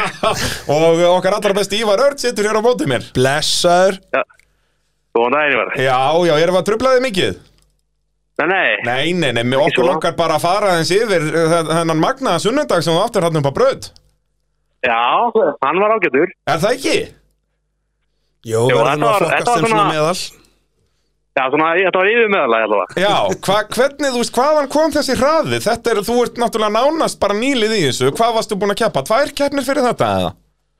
Já, ég var búin að taka þarna tvær redneck, Já, svona byggamót. eina En þetta er þarna henni í, í fyrsta hvað Íslandsmótið. eitt í fyrra á, á landsbíl og svo á þessum bíl í fyrra.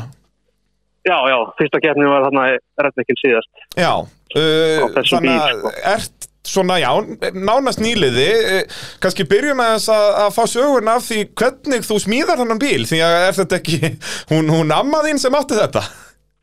Jú, það er henni þannig að hérna, að ég var búin að vera að skoða þetta aðeins með rallycrossið og, og hérna var hún svolítið heitu fyrir því og vantaði bíl og, Já. og ég vissi einmitt af þessum bíl þarna hjá ömmugamlu sko, þannig að hún hérna seldi mig bílinn í þetta og, og hérna var alveg til í það og, og ég hérna smíðaði bara bíl úr honum og, og hann virka bara fínt hann, hann bleið hættilegt, ég var bara nýbúin að setja fullt af peningum í hann sko, bara að gera við hann sko, þannig að hérna Já, svoleiðis, bara Níu- græjar níu- fyrir ömmu. 94 Já, 94 og bremsur og alls konar sko, þannig að þetta var allt, allt eins og nýtt sko. Þetta er Þannig að, bara hérna, gekkja. Vandaði bara veltibúrið Raka. að líða pönnuna Já, þetta var nákvæmlega þannig sko, þannig að og takkja þeirra og allt eins og ég vildi hafa það, þannig að að þetta var bara flott.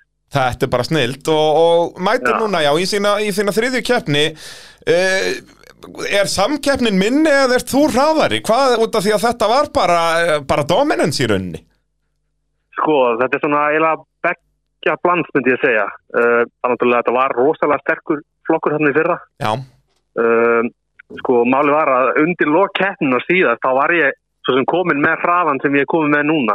já þú Þannig að- vannst þig svo hægt og rólega uppið mitt í redningum Það var mjög gaman að fylgjast með þér þar Hvernig þú byrjaði í rauninni fyrir daginn alltaf á aftarröðinni En síðan alveg alla síðustu röðlana varstu alltaf að ræsa fremsturðu Já, já, það var svo mál og endaði hann annar sko, sem sagt, í síðasta, síðasta riðlinum sko. Þannig að Akkurat, hérna, akkurat Bara rétt fyrir aftan Arnar sko, þannig að Arnar Eli, þannig að, Þannig að það hefur í Þannig að rauninni það- ekkert það- breyst nei, rauninu, hraðinu bara, þetta var búin að slípa til og, og hérna, svo núna er þetta bara orðið eins og þetta á að vera, þannig að, þannig að hérna, það er bara gaman að því. Já, uh, þú lítur að stefna á allt, uh, allt tímabilið eða það ekki, það er ekki annað hægt eftir svona byrjun.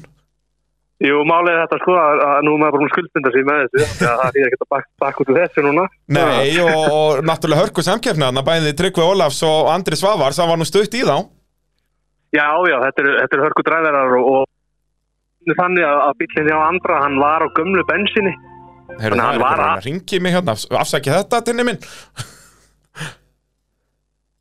Tinni! Ná, fer allt fjandans til. Skellt á hann hringt aftur Sér, þetta er helvítist tæknin, sko. Já, þetta er þegar einhver hringir Já, það er svoleiði sem þetta virkar. Áttum hvort hann, hvort hann uh, svari aftur. Tæknörðuleikar í beinniði maður. Klippur þetta ekki bara saman? Í Já, beinni. getur verið. Heyrðu, þetta, þetta fór allt í Já. apaskitt, en, en eh, Já, hva- hvað segirðu tinnu minn? Eh, Þú, þú verður að taka allar keppnir, eh, samkeppnin það hörð þarna fyrir aftan. já, já, það, það verður verður að vera þannig. Það er bara allar keppnir. Já, Sem var- Já, þú varst að tala eitthvað með bílans andra hvað sem var, Já, var hann á gömlu bensíni Já, já, má- málið hjá Andra var það sko að hann var ekki alveg að vinna eins og hann átt að gera hann fyrstu, fyrstu þrjá, þrjú hýtin sko því að hann var á gömlu bensínu þegar voru hann átt að sagði hvað vandamáli væri og svo skiptur um bensín og þá fór hann að virka hann í úslitunum sko Já, hlaut að Já. vera, okkur fannst hann mjög að því hann er alveg hörku, þetta er hörku keirari sko Já, já, eins og ég, hann, það er unni var ekkert að marka neitt af þessum riðlum þarna nema úslitin já, akkurat, akkurat. þannig, að- þannig að það var málið sko og þá var hann líka komin þarna alveg alveg í áttina að mér sko þannig að ég var mjög ánægð með það að fá hann hann inn þarna fyrir rest sko Já, og ég ekki trúa því og, og þetta verður bara hörku tímabil. Já, já, við erum, við erum báðið sammála því, ég og Andri, að, að hérna, að alla hvort eru að gefa eftir og þetta verður bara gaman, þannig að það er bara spenningur í loftinu. Já, heldur betur. Eh, Takk hérlega fyrir að, eh, að heyra í okkur og, og gangið vel í sumar. Já, takk svo veit bara, við, við heyrum stælur síðar. Já, sennilega, verður margblessaður, tinnu minn. Takk og bæ. Bye bye Já, já, já, líf og fjör uh, hjá uh, Tinna og uh, óskúfunum uh, til hamingju með þannan, uh, já, þess- þannan magnaða sunnundag. Uh, áðunum færum okkur yfir í 1400 flokkin að þá náttúrulega þurfum við að tala um uh, tvö dásemdar fyrirtæki. Það er uh, bílapunkturinn og uh, bíljöfur.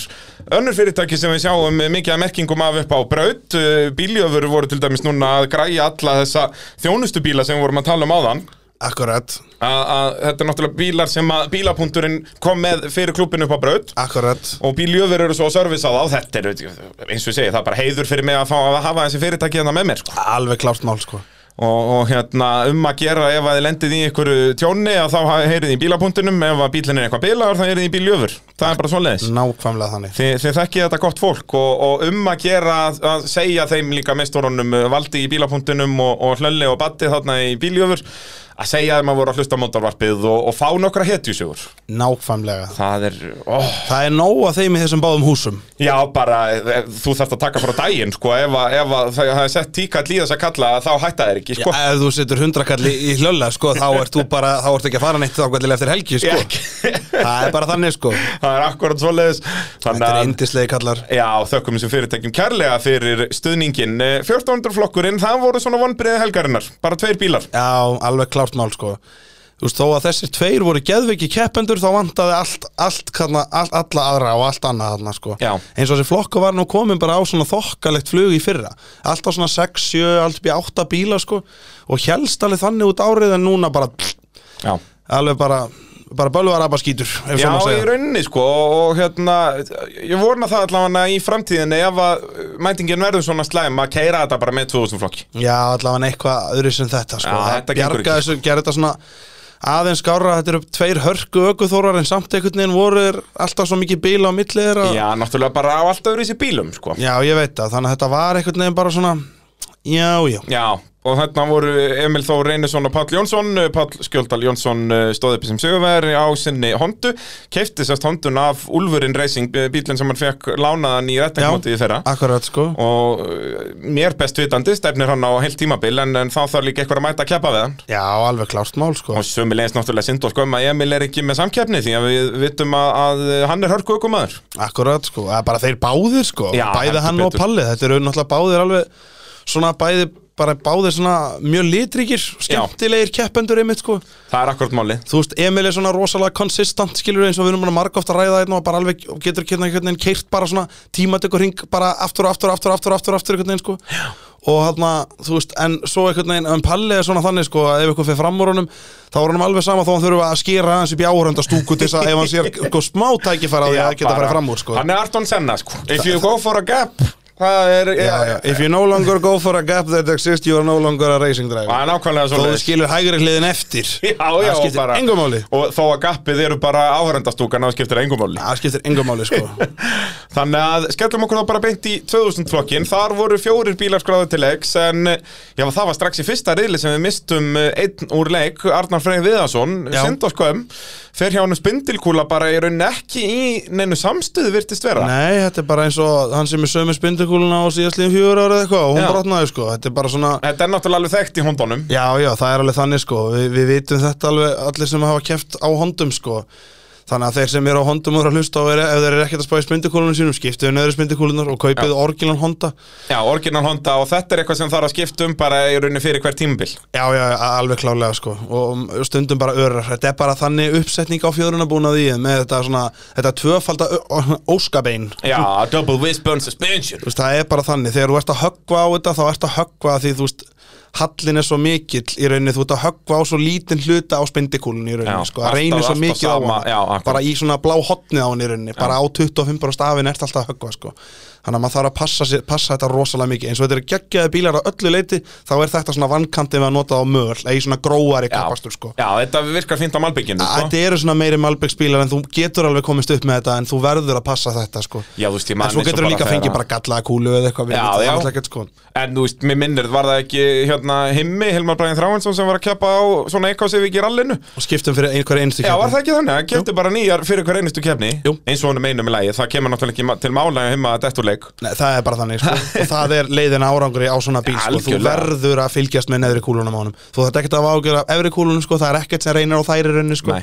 þú getur reynir verið með hann handónu dælt í heilengi þarna, sko. en þú verður að passa upp á þetta sko. en, en þetta er svona yfirleitt þegar menn brjóta þetta svona og svona án þess að lendi í höggi þú veist, eða sérst neinu svona Já, já. samstuði þá er það nú yfirleitt bara trassaskapurinn í þeim að vera ekki búin að skipta um þetta sko En leðilegt að missa Arnar Freyðan út því að hann er hörku ökumaður og þessi bíl er náttúrulega geggjaður með þessu turbosettum alveg bara, þetta er svo geggja kombo þetta er svo viltur bíll með viltan ökumann sko, þetta Akkúrat. kemur svo rosalega heim og saman sko Þannig að það eh, vantaði hann hann í toppslægin Eh, Hilmar Pétursson mætti á nýsmíðari Toyota Corolla og þarna vantar ennþá heslumunnin hjá ökumenn og bíl að komast í toppslægin Já, já, já, Og- og það bara óheppin líka hann strax í byrjun, Já. skilur að því sko, málið er að, ég var hans að ræða við Helmar um þetta, hann brýtur sér satt öxul strax, en bíllinn er náttúrulega með læsingu, Mm. þannig að hann gætt haldið áfram, en hann brýtur hann inn í kassanum, þannig að hann keirir á einum öxli það sem eftir var, þess vegna var bíllinn ekki að geta neitt náttúrulega Ah. Já, býtu er hann með drif á einu hjóli Já, Já, frábært þannig að þú veist, auðvitað var það náttúrulega bara eins vonlaust eins og þú getur En ímyndað býtu, hann var samt ekki, þú veist, hringað eftir Nei, eða þú veist hvort hann gat eða hvort þeir gátt einhvern veginn möndlað hinn öxun Já, í það hlýtur, úr það og... getur ekki verið, hann hafi verið með one wheel drive Nei, þú náttúrulega bara Ha, ferð ekkert þú af myndir stað ekki í reyna rauninni. það. Jú, er samt Já, sko. geti verið Jú, en þú mátt náttúrulega bara, að þú kannski lætur hann alltaf bara toga, þú veist, Já. alltaf með hann lágum snúning og, að ég veit það ekki, ég hef ekki En fyrir sem það er þá allavega að ná inni í korólinu Já, já, já, og hann sín, var að sína mér öxulnið mitt, sko, þú veist, hann snýri bara það sem bitan sem er inn í kassanum bara í sundur, sko já, akkurat Þú veist, bara þannig, innri, inn, innri endan, sko En þetta er áhugaveru bíl og flott kram í þessu og, og hérna Já. þarf bara að vennast þessu og, Alveg klálega, sko og jafnvel kannski eitthvað aðeins tjúna og gera og græja til að ná hóndunum en, en það kemur í ljós í sumar Já, bara. það kemur henni bara í ljós, maður fekk svo illa samanburð Já. af þessu sko Þú Akkurat, þetta er Hilmar alveg- náttúrulega hörku okkur maður, við sjáum það bara í þúsund flokknum sko. Við vitum það alveg, sko nefnilega Hann er löngu búinn að sína svona hvað í sér býr sko Já, Þú veist, og hérna, og, hérna En þetta er svona, eins og ég segi Þetta er, maður þarf að gefa honum aðra keppni áður en að við dæmum bílinni rauninni sko af Því þetta eru hérna eitthvað type 200 hestöfl Þetta er 6 gíra, 800, þú veist, Vaff 10 mótor Þú veist, og það, þú veist, það, ég held hann að hann kaupir í hann læsingu og léttara svinghjól og það er alveg svona eitt og annað, hún er alltaf búin að létta hann alveg þú veist eins og þeir geta sko þannig Já, að já. þetta er bara gaman að sjá eitthvað nota eitthvað annað en hondu nákvæmlega, nákvæmlega uh, Talandum hóndur og þá var það toppslagurinn því að þetta endaði bara á að vera innvíið þarna Vikar Karl Sigurjónsson og Birgir Guðbjörnsson uh, voru að berjast á toppnum og var það Vikar sem hafði betur Íslands og byggarmistarinn sjálfur uh, fekk fullt úr stiga uh, Var hann ekki líka hraðastur í tímatökum? Hann Jú, hlýtur að vera ég er nokkuð sem það Jú, jú, jú, jú. Þannig að það eru 53 punktar að ég er held, allan að 50 stig úr keppninni sjálfri og, En Birgir, já, hann var alveg, alveg að gera þetta erfitt fyrir hann Já, já, já, já Og Birgir stóð sér virkilega vel við að vera að keira bílinn Þannig séð í fyrsta skipti, sko Já, Og bara eins og hann er vanur nýkomin frá Tenerife og beint upp í bílinn og bara af að stað, sko sjálfsögðu og náttúrulega keppa á tveimur bílum Já, akkurat, bara svona til að gera þetta aðeins erfiðara, sko Já, þetta má ekki vera ofið, ofið verst, sko Akkurat, sko, þannig að hann var alveg að sína mjög flott að takta þarna, sko Já, heldur betur En og, enda er hann líka að berjast við bara einn reynslu mesta Já. rallycross ökumann maður gleymir í stundum að því maður er farin að taka vikar sem svo sjálfsögðum hlut að því, að sjálfsögðum hlut að því hann er bara alltaf aðna skilur en svo hugsa maður, vá, þetta er ekkert smá sem hann er búin að vera aðna lengi, þetta er, ell- ég held að þetta er 11. tímabilans í röð og Í hann hefur- röðnefnilega og búin að keppa full season öll þess að Já, nánast, ég held að Hann sé tók kannski eitt- ein og ein, eitthvað, já, já. valla neitt til að tala um Nei. ef, þú, st- ef við tökum svo bara auka byggarmótin og vetramótin líka þá held ég að við náum þessu nánast á pari sko. ég held að sé þetta sé að hann sé búin að keppa í 11, þetta sé, sé hann sé bú með 10 ár sko. en það búin að fara frá því að vera bara trúðurinn á brautinni í að vera margfaldur mestari og Já. bara geggjaður keirari sko. Já, sko, ef við tölum um sko áskorunina sem að Birgir Guðbjörns er að gera sjálfum sér þarna að það er, það er erfitt að keppa í rallycrossi það er mjög erfitt að eh, keppa í tveimur flokkum á sama tíma það er nánast ómögulegt að þessi tveir flokkar eru þeir flokkar þar sem að aðal samkeppnin er ökumenn sem eru búin að vera að keppa nánast öll ár á sa- sömu bílum eða mjög svipuðum bílum ár eftir ár eftir ár þú finnur ekki meiri samkeppni til að fara í Þa, það er svolítið þannig sko. þannig að Birgir er, eh, já hann allavega hann hræðist ekki challengeið nei, nei, nei, nei, nei. Það er rómant að segja og það bara stóð það mjög vel sko, við Já. að vera hérna bara í honum allan tíman sko. Og hann var í einhverju basli með honduna Við heyrum nú í Birgi hérna í lok þáttar vonandi Þegar við tölum e- eftir opnaflokkin Þannig að við fang, getum fengið betri útskýringa um það En mér langar að heyra hvort að, eða aðtöga hvort að við náum sambandi við vikar eða hvort að hann sé hoppandi og skoppandi inn í einhverjum leikfumisal og má ekkert vera að þessu Það það er, er okkur ekki ávart nei, það kemur núl ávart Er þetta hljóð slæmt? Nei, þetta er bara svona Er þetta bara eitthvað öðruvísi ringitótt? Nei, er hann ekki bara að reyna að ná sambandi? Ég þekki þetta ekki sko, kann, það er náttúrulega ekki tímasambandan í, í Reykjanesbæ Það getur verið Sérstaklega hann er upp á ásbrú sko Já, nákvæð hákvæður og glemt þessu Akkurat. Er ekki bara herin búin að taka yfir? Er ekki bara þetta eitthvað geimverur og eitthvað? Það gengur lítið að ná í vikar allavega, eins og ég segi, ég náði ekki undirbúa þáttinu og vel og, og láta fólk vita að ég ætlaði að ringi í það Þetta gengur allavega misvel, skildi ég vera með vikar í símaskráni? Ert þú með vikar í símaskráni? Já, já, Það Við þurfum að heyri í, í, í gamla hundinum já, klálega Það er nú bara svoleiðis Ég, ég hlýt að vera svo frægur að við hafa vikar í símaskráni Má ég sjá, við bara stimplum þetta inn Þetta er mjög gott uh, hlaðvarp, gott fólk Já, það myndi ég segja Svona einhvern veginn, er þetta ekki hérna svona, jú, stórfínt Aðtum hvort að þetta virki Vikar, vikar, vikar Það var náttúrulega fullt úr stegu hann alveg eins og Kristinn Á nýjum bíl, Á virkilega nýjum bíl. glæsilegum Gekkjaði bíllinn sko Já, ógislega flottur Það er náttúrulega alltaf allt upp á tíu þarna hjá honum sko Já, í þessum málum Það er svolítið svoleiðis Sælir, Já, er það okkar allra besti Vikar Karl? Ma maður er bara stressaður þegar þetta númer kemur á síman. Já, þú ættir að núna sérstaklega vera stressaður því að við Ívar Örts Márásson erum hérna bara í stúdíóinu að ringi þig beint úr mótorvarsminu Já, ok, líst mér vel á það. Hörru, og hvað segir ykkur? Við erum bara dásalegir, það er ekki Ívar minn Ég- Við erum alltaf brosandi, eins og þú Hörru, el, elsku strákar, ég, ég var ekki að meina það. Ég veit þið eru dásalegir og ég veit þið brotið. En, en ég var bara að meina svona öðru liti. Það, Já. er sta- það er staðalbúnaður. Já, við sko eftir þessa helgi náttúrulega erum við ekstra dásamlegir því að þetta var frábær rallycross-kefni sem við fengum hann á sunnundaginn.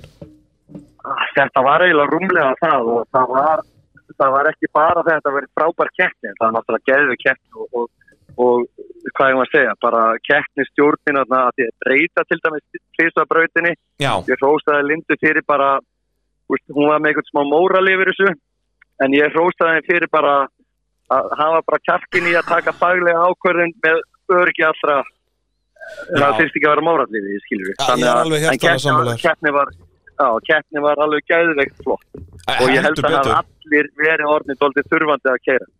Já, það er náttúrulega bara tímaspesmál hvenar sko bara fýja, bara alþjóða samtökin stela lindu af okkur sko. Þau eru nú byrjuð að vera að gefa henni einhver vellaun fyrir að vera frábær þannig að hún verður komin Já. bara formúl 1 bara hvað á hverju sko. Þannig að við þurfum að- að nýta þið sko meðan við höfum hana.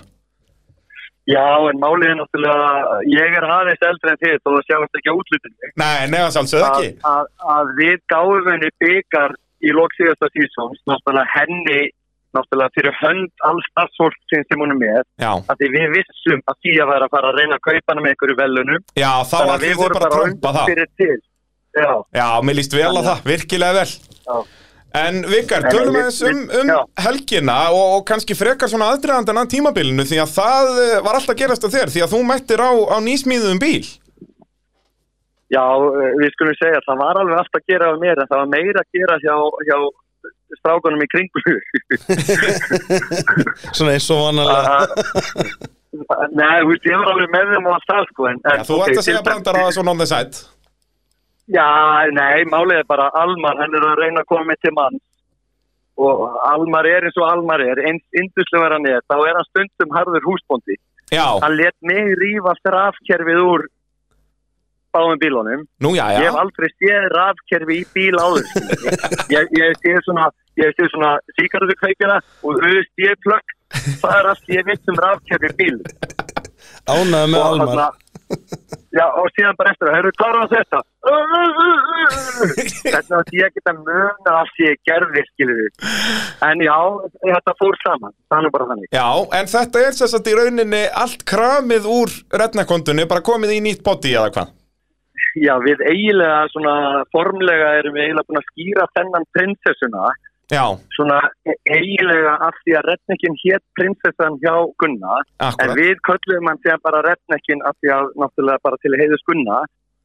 En þessi fær náttúrulega, þessi líffara tegja, hann fær alls kramið og gýrkassan og, og þóttið úr, úr hinnum. Þannig að já, þetta er eiginlega bara, Þetta er eins og maður prinsessan segir, hérna, já, þetta er prinsessan, það er bara hann. Það er dásamlegt og já, það, þetta gæti ekki byrjað betur hjá þér eh, sem ríkjandi Íslands og byggarmeistari, það var bara fullt úr stega Já, þetta er hérna, þú veist, ég veit ekki alveg alltaf sko stundum valdi og strákana, ég stríða mig doldið mikið, en það sem að kannski pyrra þá mest að ég hef gaman að því meðan Já. meðan heimst í rauðarður sé þetta ekki það er ekki eins gaman að láta stríða sér en, en hérna Valdi var að tala við einhverjum um helgina og, og málið er það að þetta var svolítið á síðustu stundu, vorum að lenda í dottlu vissin, vorum ennþá að setja bremsur hérna út á braut þannig að þú veist, og þetta er búið að vera svolítið lítið sofið síðustu vikunar Já, það er bara allt Nema eins og þetta á það að vera svona- Valdi var það, einhvern veginn, hann sagði bara, veistu það, að því að gýrstöngi snýru öfugt í honum, þannig að í staðan fyrir að tegja sér til mín,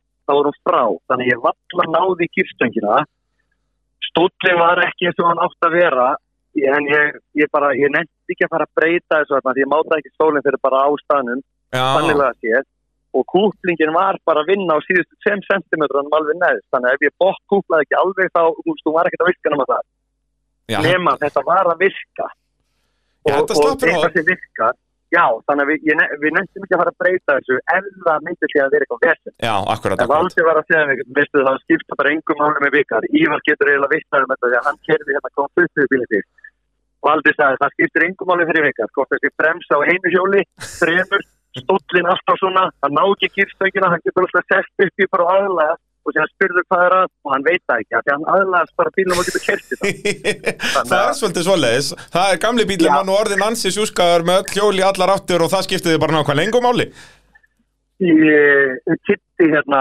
Kitti Kristins hérna, Já, einu já. samtid sem er hérna í Tóðhættar Reykjanesbæk hann svona reynda hjólastillum svo hægt var fyrir Já. þetta komið og þá kom valdið mitt bara, heyrðu, bara eftir fyrsta hittið eða eitthvað bara þarna er gamli vikar kominn, þarna varstu bara að taka línur, ég sagði valdi þessi sami vikar er búin að vera þetta í allt sumar og fyrra sumar nema bara, núna í fyrsta sinn var ég að keira bílinn meðan ég var að bregðast við honum í þessu- í tímskiptin, það sem að hann leti eins og ég veit ekki hvað, en þessi bíl hann leti bara nokkuð vel, sko Já, er það ekki, og, og það er alveg greinlegt að þú átt meira inni miða við að þetta var svona allt á síðustu stundu núna Já, já, þú veist ég- ég á maður að vera að loða einhverju upp í erminn á sér en ég mun alltaf, ég mun alltaf hafa gaman að þessu og ég mun alltaf gera mitt besta Já, en við, þú veist, það er einhver strítfjöðurinn í þessum bíl sem var bara í honum þegar við fengum hann Eh, við ákvæmum bara, þú veist, við fórum ekkert í það við kíktum ekki á stundla stýri senda eitt eða neitt við ákvæmum bara, herði, látum bílinn keira og uh, spáum við hinnu setna akkurat, akkurat Ne- nema Alma, hann átti eiginlega helviti góða línu hann var í fríi sko þar síðustu helgi bara hafði, hann var að sinna bara öðrum málum nema hann hengir í mig svona eiginlega hundskamma mig á sunnudagskvöldinu bara, hvað er í gangi hérna bíllinn er ekki farin að keira ennþá og þeir eru að sprauta, forgámsraða nema akkurat akkurat þessa helgi hafði ég bara engan með mér sem að, þú veist, hafði eitthvað vita á að tengjast rétt og allt þannig Já, akkurat, og það var plástin í bílabúndi þarna þannig að það farið að sprauta bíl auðvitað en ég er einhvern veginn að rúna bara er það alveg ekki, ekki, ekki, ekki vera að æsa hérna einhverjum ótara en ef að, hann sagði þú er alveg getur mætt á hann kvítum bara fá hann til að keira ég sagði Alma í vestafalli ef allt klikkar þá mætum við á hann með geðveikt útlitt og láta hann standa í pittinum við erum ekki að æsa okkur yfir Nákvæmlega En hann er líka ekkert eðlilega flottur hjá okkur já hann er líka flottur Hann er alveg Já, geggjað hann er rosalega flottur sko En hérna En- þetta stefnir í, í heljarinnar tímabil því að já, Birgir Guðbjörns, uh, já, hann verður líka skæður, hann var í smá basli með bíli núna en, en verður bara hraðar og hraðari. Eh, Biggi hann náttúrulega sko, hann má eiga það, hann sýtti það í retnekvotinni fyrra að hann hefur einhver glengt, hann er, svo, þú veist, hann er algjörlega með þetta þannig að hann er alveg búin að sína, hann er drullu góðu dræfi, Heldur betur. þannig að þarna, það verður bara spennandi að taka staða. Það held ég og, og svo náttúrulega Hilma Pétus þegar hann er búinn að ná uh, réttu setupi á kóróluna og, og vonandi fá varna við hans meira líka þannig að þetta stefnir í, í hörku tímabil. Já, ég held að, ég held að alveg steinas, ég held að hann hefði syngt þetta í Björgunarsveit, þeir eru að leita punktum á honum og ef þeir finna, hann, þá mætir hann í næstu kefni. Já, geggjað. Svo gott fyrir mig að vera að gera grína mönnum í þessum flokki já, er það ekki. Ívar, Ívar að Ívar. reyna að vera svo sniður að gera grína öðrum. Nei, málið er bara að Ívar getur sagt að allavega með sannig hann á engan tilbúin bíl, þannig að Ívar hefur afsökun. Já, skilurðu. rétt. Og við náttúrulega viljum ekki missa hann úr stúdíónu sjáðan til. Nei, veistu það, hann spurði mér reyndar, ég hringdi hann að því mér vantaði eitthvað dæmi, ég áttaði mér á því á, á, fyrsta, nei, á lögadaginn, stýri sveppin Hérna, setjum bara lögut en það snýður kappin er ekki svo sami þannig að ég á bara með risa hérna afastýri í bílum Já, ég svaraði bara, Ég- hvað vantar? Já, það er nákvæmlega ég var veit að ég ringi ekki í hann nema ég var einnáttúrulega maður sem að gera allt sem það er mögulega að gera þannig að ég vissi að ég gæti fengið þetta ef hann ætti það Já, en hann spurði mig, heyrðu vikar, ég er, að, ég er hérna að berjast við sjálf mig hérna, á ég að vera út á braut eða á ég að vera með braga í stúdíunni, ég sagði það er náttúrulega smá skamta að stúdíu sé ekki út á braut já, þetta er náttúrulega ferlegt. en, ég, en, en, en þú veist að því að vera út á brautinni, taka smá spjall þetta er svo skemmtilegur hópur í heildina Já, það er svo mikilvægt en þegar kemur hitt, bara ég, þú ert alveg drullu skemmtilegur Æ, en þú ert takk. samt helmikið skemmtilegri þegar ég var með þér á því að þið, þið vegið hvort annan svo upp Það ég er Þannig nefnilega að- 100% sammálaður þar, sko. Það, er, ég, ég, Já. það vantar alltaf annan helmingin ef að Ívar er ekki með, sko. Já, þú veist, þannig að hann fyrir allavega flott komboð, en, en eins og maður segir, ég veit, væri nú gaman að sjá okkar á brautinni en samt með bein útsendingu, en tæknimál eru tæknimál, ég skil það. Já, ne í næstu keppni þá ætlum við að hafa þriðja mannin inn í pitt að taka viðtöl. Við bara náðum ekki að græja það núna. Strákar, Þannig þriðja að mann, þetta- hafið þriðja mannin í stúdíón og þriðin í pitt, sko. Já, já, það, það, það er hægt að fara Já. alla leiðir með þetta. Já, en allavega þegar hún skilur fyrir þarna skemmtilega þátti, en, en þessi keppni var alveg eitthvað annað lefur. Þetta var bara tær snilt og, Þetta er og spennandi sumar, sko. já, ég held að sumarið verið eintóm hamingja og, og bara takk kærlega fyrir að tala við okkur vikar.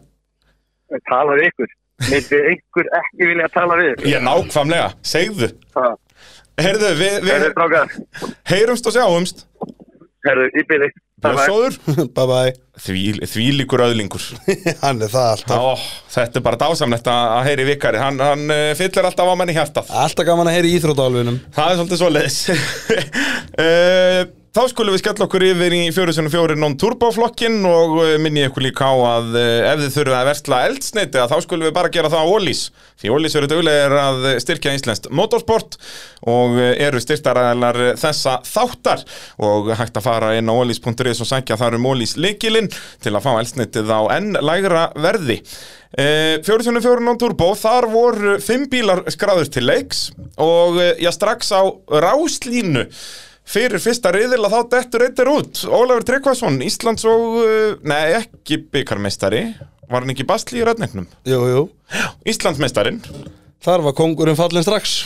hvað, hann er að reyna að fá að hita í dekkin, ætlar aðeins að lönnsónum á stað Já, og eitthvað brýtur svoleiðis. kirkasa Og bara, hann var að setja myndir af þessu á Facebook núna bara áðan og ég sá það að bara fyrsti gýrin í honum er bara, bara hafragrundur bara eða bara gjössanlega, sko, það vantar bara mjólk. Já, þetta er bara, þannig. það er, eh, þú sér þetta ekkert sem tannhjól, þetta er bara uh, milsnur bara Nei, þetta er núna annar keppnin í röð sem hann er í gírkassavesinni sem er svolítið synda því að að- að- þegar hann fór og byggði upp flottan gírkassa þá byrjaði vesinnið. Já. Það er alveg típist. Þetta er, uh, maður heyrir oft svona sögur í motorsporti Já. þú veist. Ég veit ekki hversu oft ég hef heyrt eins og í torfærinu bara, heyrðu, nú var loksins farið að kaupa alvöru skipting og ég bakkaði kerrunni og allt bilaði Já, það virðist ekkert alltaf vera þannig bara ef þetta er dýrara þá bara, já, þá, þá myndir þetta bila. Já, já, Þú bara veist, að þú ert að fyrirbyggja einhvern veginn, Já, þetta er alveg akkurat. ótrúið meðan, að- meðan hann var bara með einhvern eldgamlan STI kassa frá Guðna sem að enginn vissi neitt um þannig séð Já, þá bara klikkaði ekki keppnum til keppnum til keppnum og Nei, nei. þá var hann ekki eins og að vera lítið tekið á bílnum ég segi það, alltaf verið að lönsa svo stað og ég veit ekki Ah, hvað og hvað. Akkurat og minna klett læst þvers og kruss og eitthvað alveg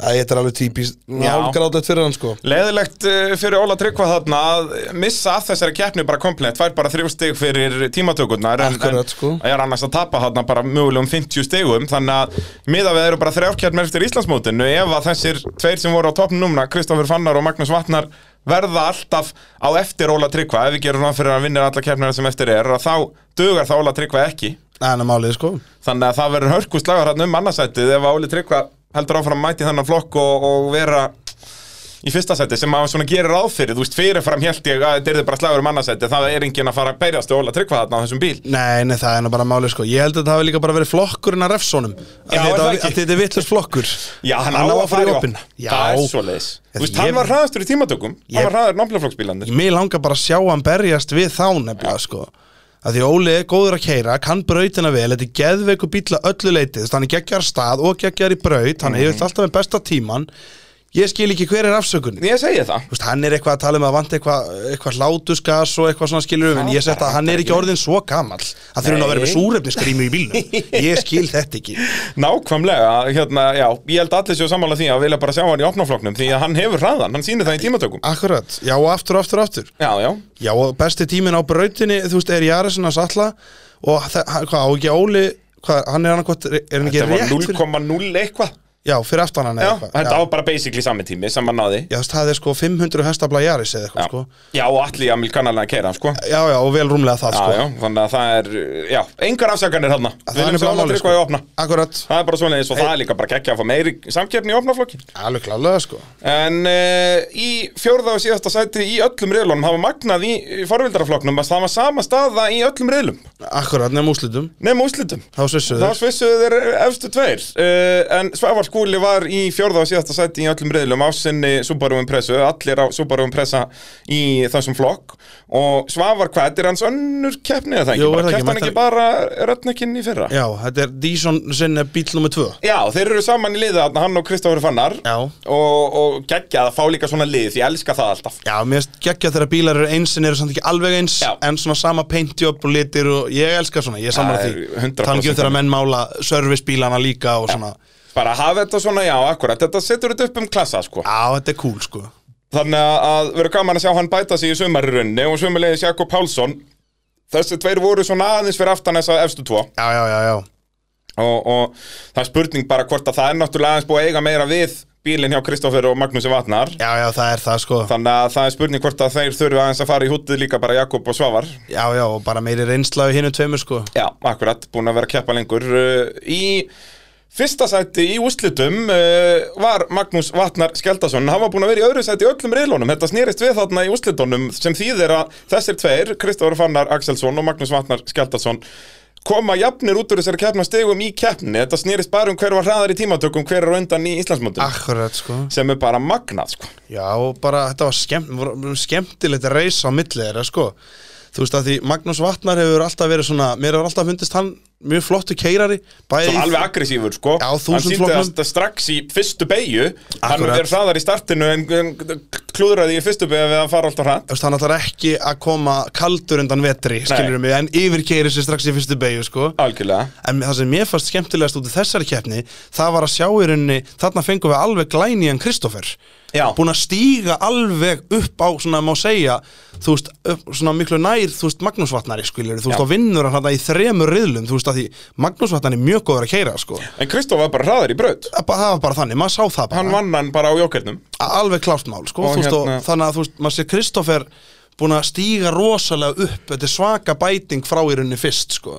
þannig að þetta er svona virkilega mér varst gaman að sjá þetta sko, ég var mjög ánægð með hann sko. Já, algjörlega og komin í, þú veist, við höfðum alltaf síður rispur frá honum Þú veist, að- akkurat. að- en núna er hann komin með þetta bara, hann er konsisteldi hraður, bíllinn orðin góður, hann er hættur, hann var náttúrulega alltaf, í fyrstu keppni á raunbreysunni var hann í smá bílunæfinsinni, já, já, já, já, og svo hann í reddneknu náttúrulega var svolítið klúður hérna, hann að maður stið fór að reykja báði bílarnir Já. og, þarna og eitthvað svona En, en 100% eina og við töluðum svolítið mikið um þetta í útsendingunni að okkur finnst sko fjöðrunakerfið í báðum þessum bílum verið eitthvað sem mætti betrumbæta. já, úst, af sikkori ástæðinu samt Já, að, þú í veist- rauninni, svona, eða, þú veist, en það getur verið bara bull í okkur, skilur, en þetta er alveg eitthvað sem þeir mættu skoða, þú veist, ef það er eitthvað æfingar framundan og svona, að, að bara fara í þetta, finna, þú veist, hvað þeim finnst best og hvað er besti tíminn, skilur. akkurat sko Ah, eins og Kristoffers bíl finnst mér bara, hann er svo hastur hann er bara eins og sé ekki fjöðrun í honum Of lára framann finnst manni, Já, og, einhvern veginn bara bara engin svona, slaglengt. og alltaf bara svona hopp eða svona bara já, svona höggva. bara hastur bara, já. allt og stífur Þannig að, já, það er spurning hvort þeir finni meiri hraða með einhverjum svona En, en já, Íslandsmóti byrjar allan að vel Að- já, já. Þeir eru þarna alveg nekk en nekk Akkurat, sko, en hvað veitum við? Við erum bara hérna í útvarpinu að rífa kjæft Já, en það verður ykkur yfir í því Já, líka bara svo þægilegt Ég heldur betur Nú held ég sko, ég held að ég get ekki Ég get ekki heyrt í, í Magnúsi Vatnari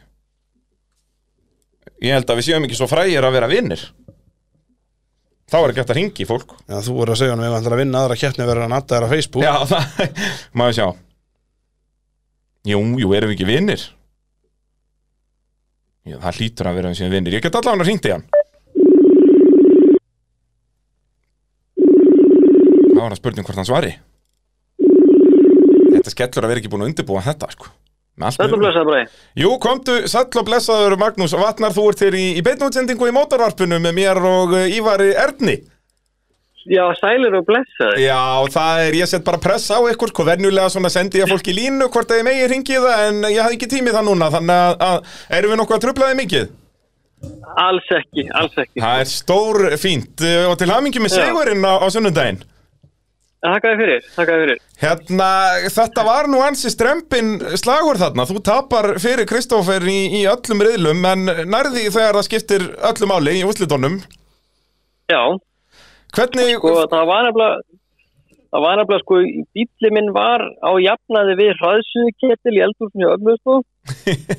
Það var Þannig að, svoleiðis. sko, Já, það, það var, það var Þannig að best. sko ég Já, þetta ég held að það fóru örgulega svona 20 20-30 lítrar af vatni á hann yfir daginn sko. Það er svoleiðis, og, og býtu var hann þá að, að sjóða þetta, að það var var farin headpakningar eða hvað er að? Já, hettpakningar kvöldu samkvæmið þarna Já. einhvern tímann Alveg, Þannig að það verður nóg að gera Já. fyrir næstu keppni allavega. ég, það er bara nýtt í Já, þetta er ekki, ekki flókið mál. Nei, Uh, nei, þetta er, ekki, þetta er bara súbáru ég, þetta er bara súpar og við, við ívar þekkjum þetta. Já.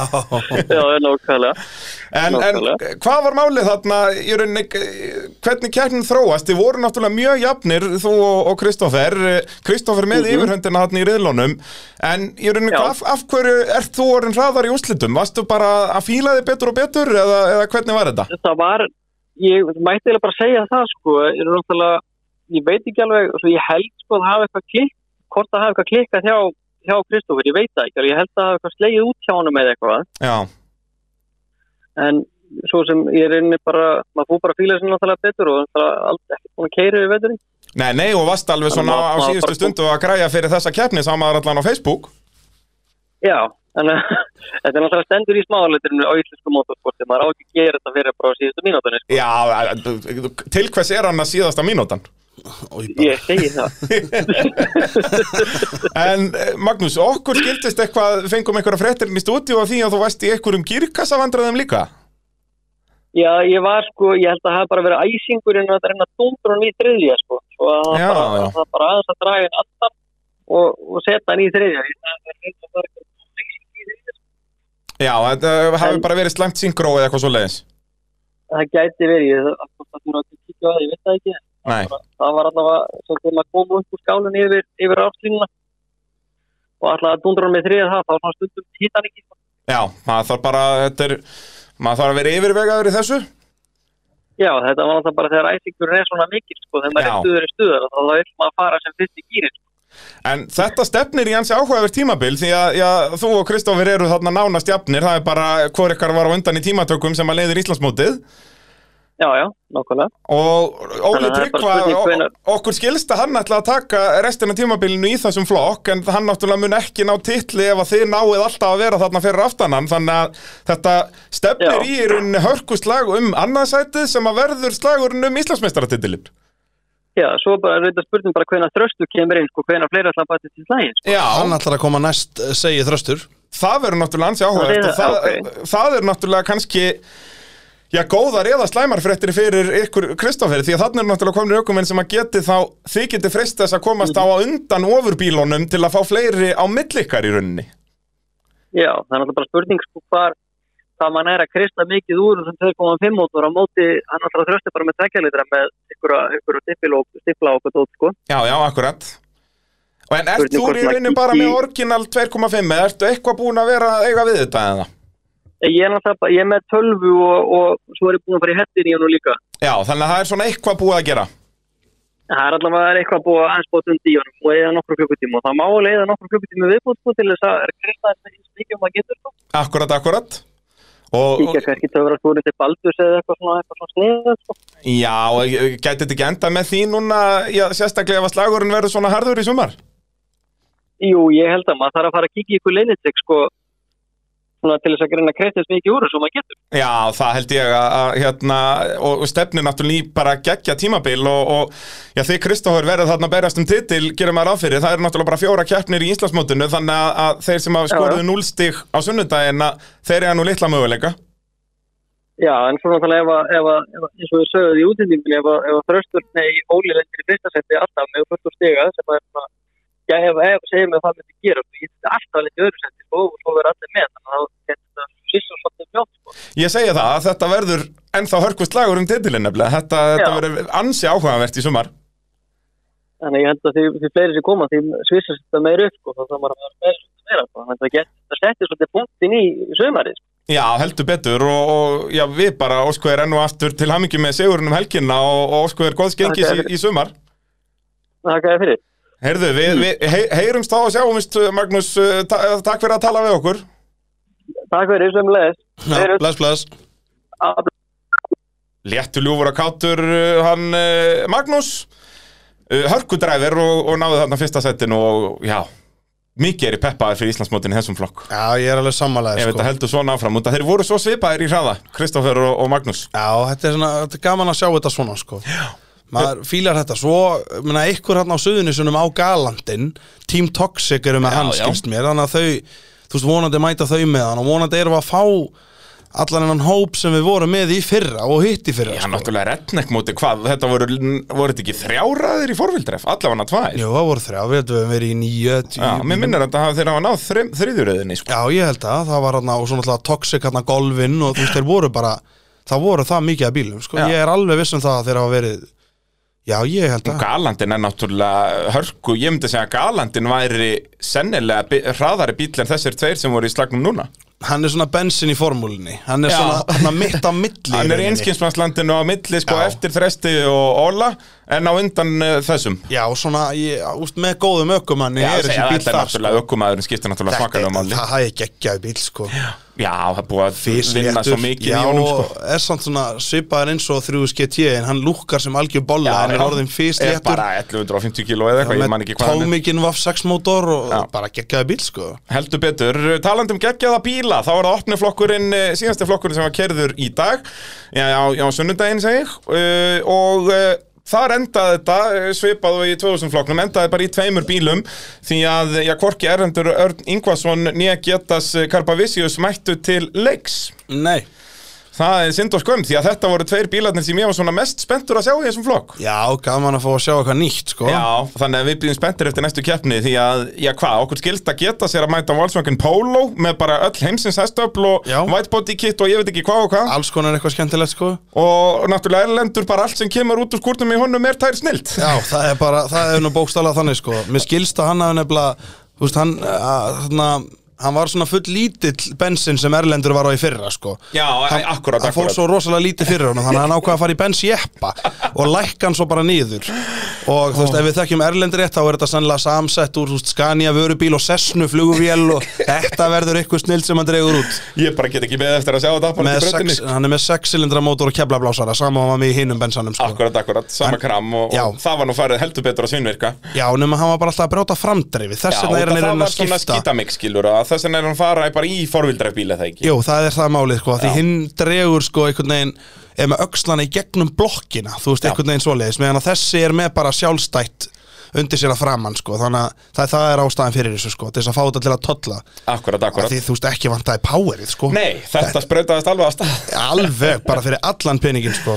En svo er spurning hvernig jepp, jeppin höndlar beigurnar sko, eins og ég segi, ég bara get ekki beigð eftir að sjá þetta bara uh, Nei, það er nú málið, eins og allt sem kemur út af skúrni í Erlendi getur Já. ekki beðið eftir að sjá Eh, Konrad Kromer, hann mætti á sínum Audi að það sem eftir er á honum réttar að sagt, Jú, jú. Uh, alltaf svona í hver einustu keppni verðist vanta uh, þetta og vanta hitt Akkurat Alltaf að skera meira úr, úr uh, þessum Audi uh, var í þriðasæti í fyrsta riðlinum en svo náttúrulega veldur hann þarna í öðrum riðli Já, og alveg bara Æ, einhvern veginn síðasti maður sem að maður vildi sjá velta, sko Já. Þetta er svo mikið gæða blóð og indislegu drengur, sko Þá er enginn eigi skilja að velta, náttúrulega, þarna, skilur en Æ, hann fór líka rosalega illa Já. hann, er mikið skemmtur, sko Já, það var öfugt nefnilega með við sko Jarisinn hjá Sindra og Audíin Audíin fekk á sig þessi þungu högg sérstaklega að ná framhjólabúnaðin Hann er svo þungur líka framann, sko Þú veist, þannig að þetta Æ, þetta var leiðilegt hvernig fóð fyrir honum að sá myndir á honum nálægt honum, hann er mjög mikið skemmtur sko, Já. og mér skilst að vélinn í honum sé líka tjónuð sko. Já, svoleiðis Já, Æ. þannig að bíllinn er sennilega bara búinn sko. Já,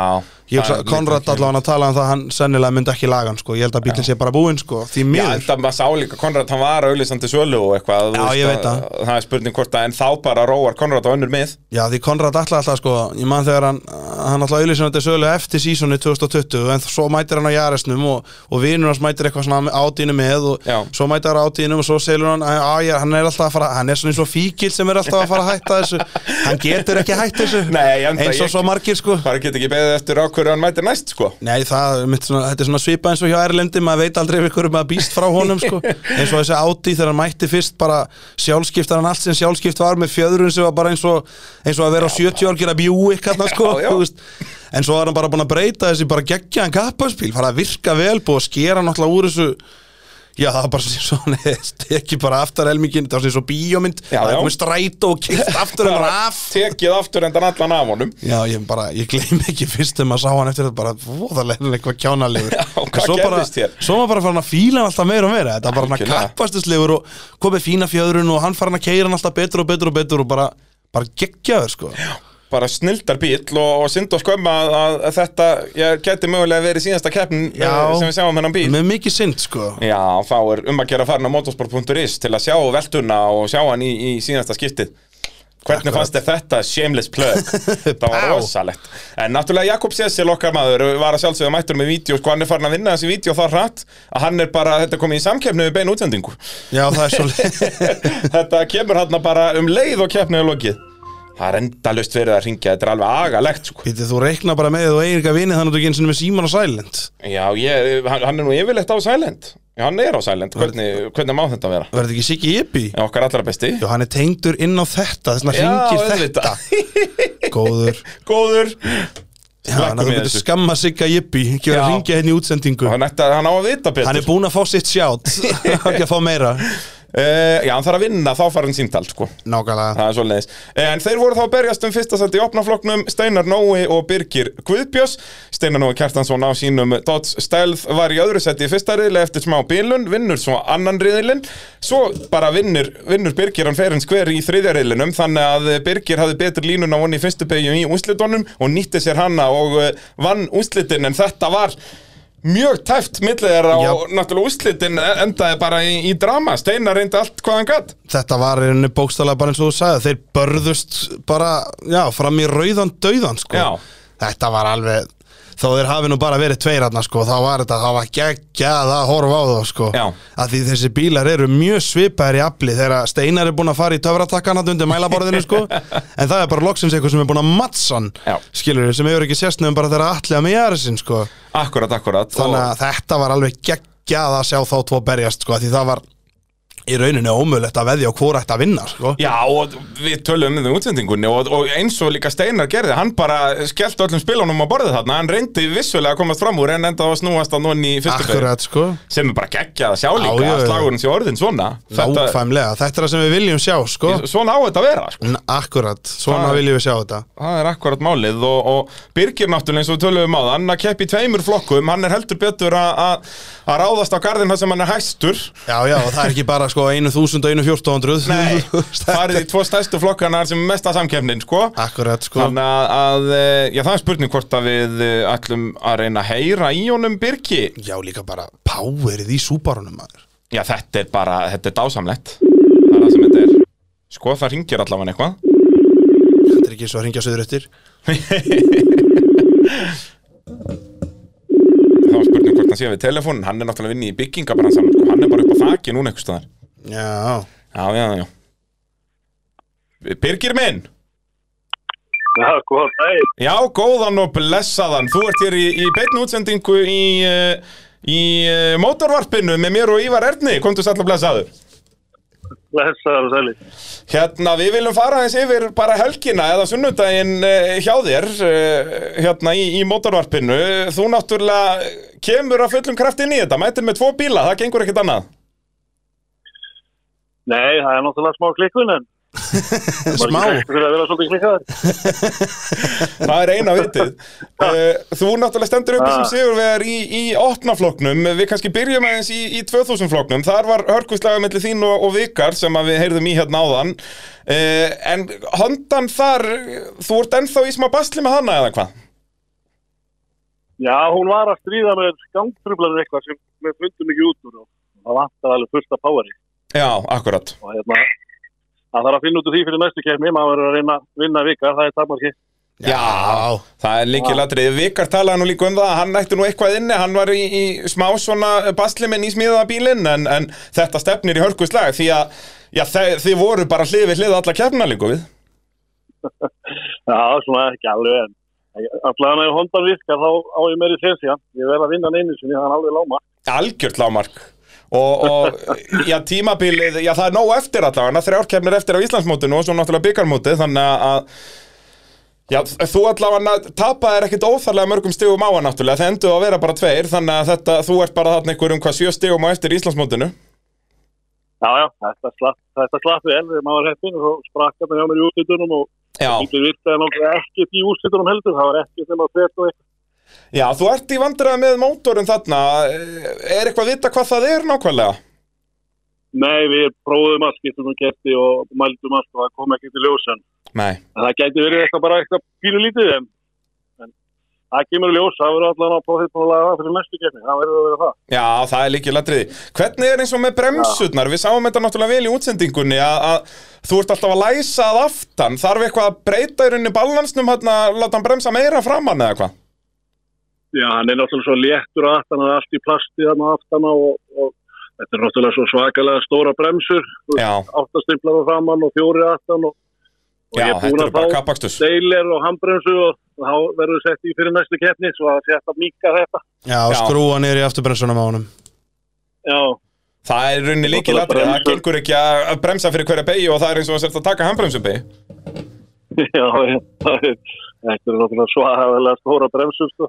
Já, er þetta, þetta er náttúrulega bremsur bara fyrir svona eitthvað kappakstur og malbyggi í rauninni. Já, já, þetta er bara T2 sem byggi nafnum minn keifti og ég held að það sé ekki hægt að fá stærra. Það Nei. er mikið stærra held ég. Allavega ekki að þú ætlar að nota þessar felgur, þú þurftur að fara í ennþá stærri felgur.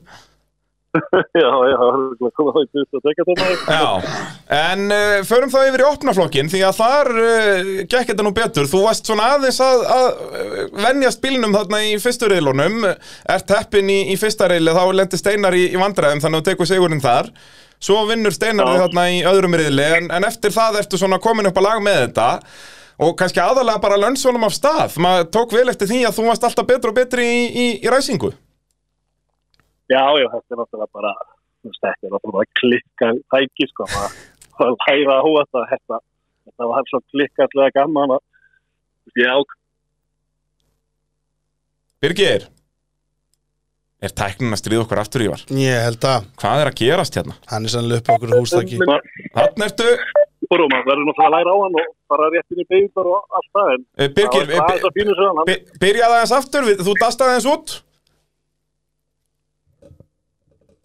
Þetta er, erum við þetta, núna? böl- þarna er eitthvað að gerast, sæll og blessaður Hérna, já, Ég með, ætla með bara- Subaru, þú varst alltaf að venjast honum meira og meira Já, ég segi það. Þetta er svo svaðaleg græja maður. að- Maður þarf nú aðeins að stilla sig inn á hann og læra inn á hann og, og, og hver típa bara skemmtilega og skemmtilega og skemmtilega. Sko. Þetta er bara geðvikt. Já, sást alveg á þér, þetta var alltaf að koma meira og meira og meira, maður sá það Já, já. Og það var líka, það var ekki leiðilegt að vinna gamla bílinn sinn, sko. Ég er náttúrulega ekki keitt svona öllum fyrir eh, 2002 senast, sko. Já, nákvæmlega, og náttúrulega Já, mjög Steinar gaman. Nói búin að keira hennan ring bara stanslaust síðan 2008 já, ég, það var helviti gaman. Hann ætlaði þessu nú fram um mér í úrslitunum. en hann- Já, Já, já, við sáum það Þetta var bara alvöru, alvöru veisla þarna og, og brunni vel gert hjá Steinari bara, þú veist, þið eru náttúrulega bara tveir eftir þannig að hafa bara allt eða ekkert Já, já, það var bara svolítið. Þannig að þetta stefnir í hörkuslag slapp vel hjá mér, og... það- það- Það slapp ég hjá mér, það sást ekki neitt, það rispaðist aðeins felgan, hann fóð beint á felguna hjá mér. Já, akkurat, akkurat, þannig að vinstrað aftan Já, hann, hann bygglaði þín aðeins fáið megin, það var lengt svo að dekja um, en, Já, já, Þetta var mjög gaman, þú veist, ég var komin í þriðja fjóruða þannig bótti, sko, út frá skablan. Já, þegar að þið þið sleftuð malabeginni náttúrulega, þá er þetta orðið helvítið hratt. Þetta var mjög hrætt að maður komin út í því, sko. Já, ég get trúa því. Hérna, og svo náttúrulega stefnum við bara í enn meiri slag í sumar þegar, þegar þeir koma hérna, þessi tveir sem að skráðu sig núna en mættu ekki, þannig að, að já, vissulega svolít stig í Íslandsmótinu, en þetta er hvergi næri búið. Nei, minn, þetta er nú bara rétt að byrja á. Maður var að reyna að skora allega meila að mæta á græði. Já, Það er fyrsta græði. Bir- Birgir Það hefði alltaf verið að ringi í mig og uh, uh, uh, þetta dettur allt út þessi, he- tæknið, þessi símar það á að henda þessu Þetta er alveg ferlegt Bir Birgir, Þetta er alltaf út. nei já nú var þetta mér að kenna það var einhver jólasveitn að ringi í mig Slippar það eitthvað hringt í því. Já, það er svolítið svoleiðis, en hérna, já þetta stefnir í hörkvistlag í sumar Já, já, þetta er náttúrulega bara rétt að byrja og, og hérna, það er sko bara að vera með bílinn alltaf í lagi og, og æfa sér meira líka og Já, já, bara vonandi mætir allir hjá mig líka á ráslínu og, og fleiri það til nokkri bílar sem eru mjög strækir sko. já, er svo algjörlega skemmtilega. Já, já, við eigum að geta fyllt tvær línur Svo er bílinn hans Ágúst Aðalbjörnssonar Rauðisúpar, Já, hann hann er það til er mjög sölu. flottu bíl, hann er til sölu Tvinn túrbósúpa Já, já, já. Þannig Þannig að- að maður að fá hann, hann er bara að mæta á hann sjálfur, það það selur hann ekki. Já, nákvæmlega Ég segi það, þetta, þetta stefnir í, í eintóma veistlu og, og já, til hann ekki með sigurinn í opnafloknum og annarsætið í 2000 flokki þetta, já við óskuðum bara góðs gengis í, í sömarbyrgir Já, takk að kella fyrir það. og bara takk fyrir að tala við okkur og við heyrumst og sjáumst Já, ekki málið. Lausjóður. Já, bara. Bye bye Já, já, já, já, já, já, já, já Þetta er skemmtilegt, ég fekk líka mörg komment hvað fólk fílaði þetta í, í mótavarappinu eftir hellu að fá að heyri keppendum sko. Já, já. og þetta er nú náttúrulega tæknin sko, að það þarf ekkert lengur að- að að hafa fólk í stúdíónu sko, þetta er nota telefónin þó að þetta sé bara helvítið svesen og alltaf að kvartast út en eh, já, þá erum við búin að gera upp þessa fyrstu umferð Íslandsmestarnamótsins, er þetta ekki komið ágætt hjá okkur í Jú, ég held það bara, þetta sé nú bara orðið nokkuð gott sko Já, búin að blara nú djöfulli lengi Þetta var allt saman í bóði AB Varafluta, Bíljöfurs, Bílapúntsins, Ólís og Tækjaflutninga Norðurlands Þangur til næst, bless bless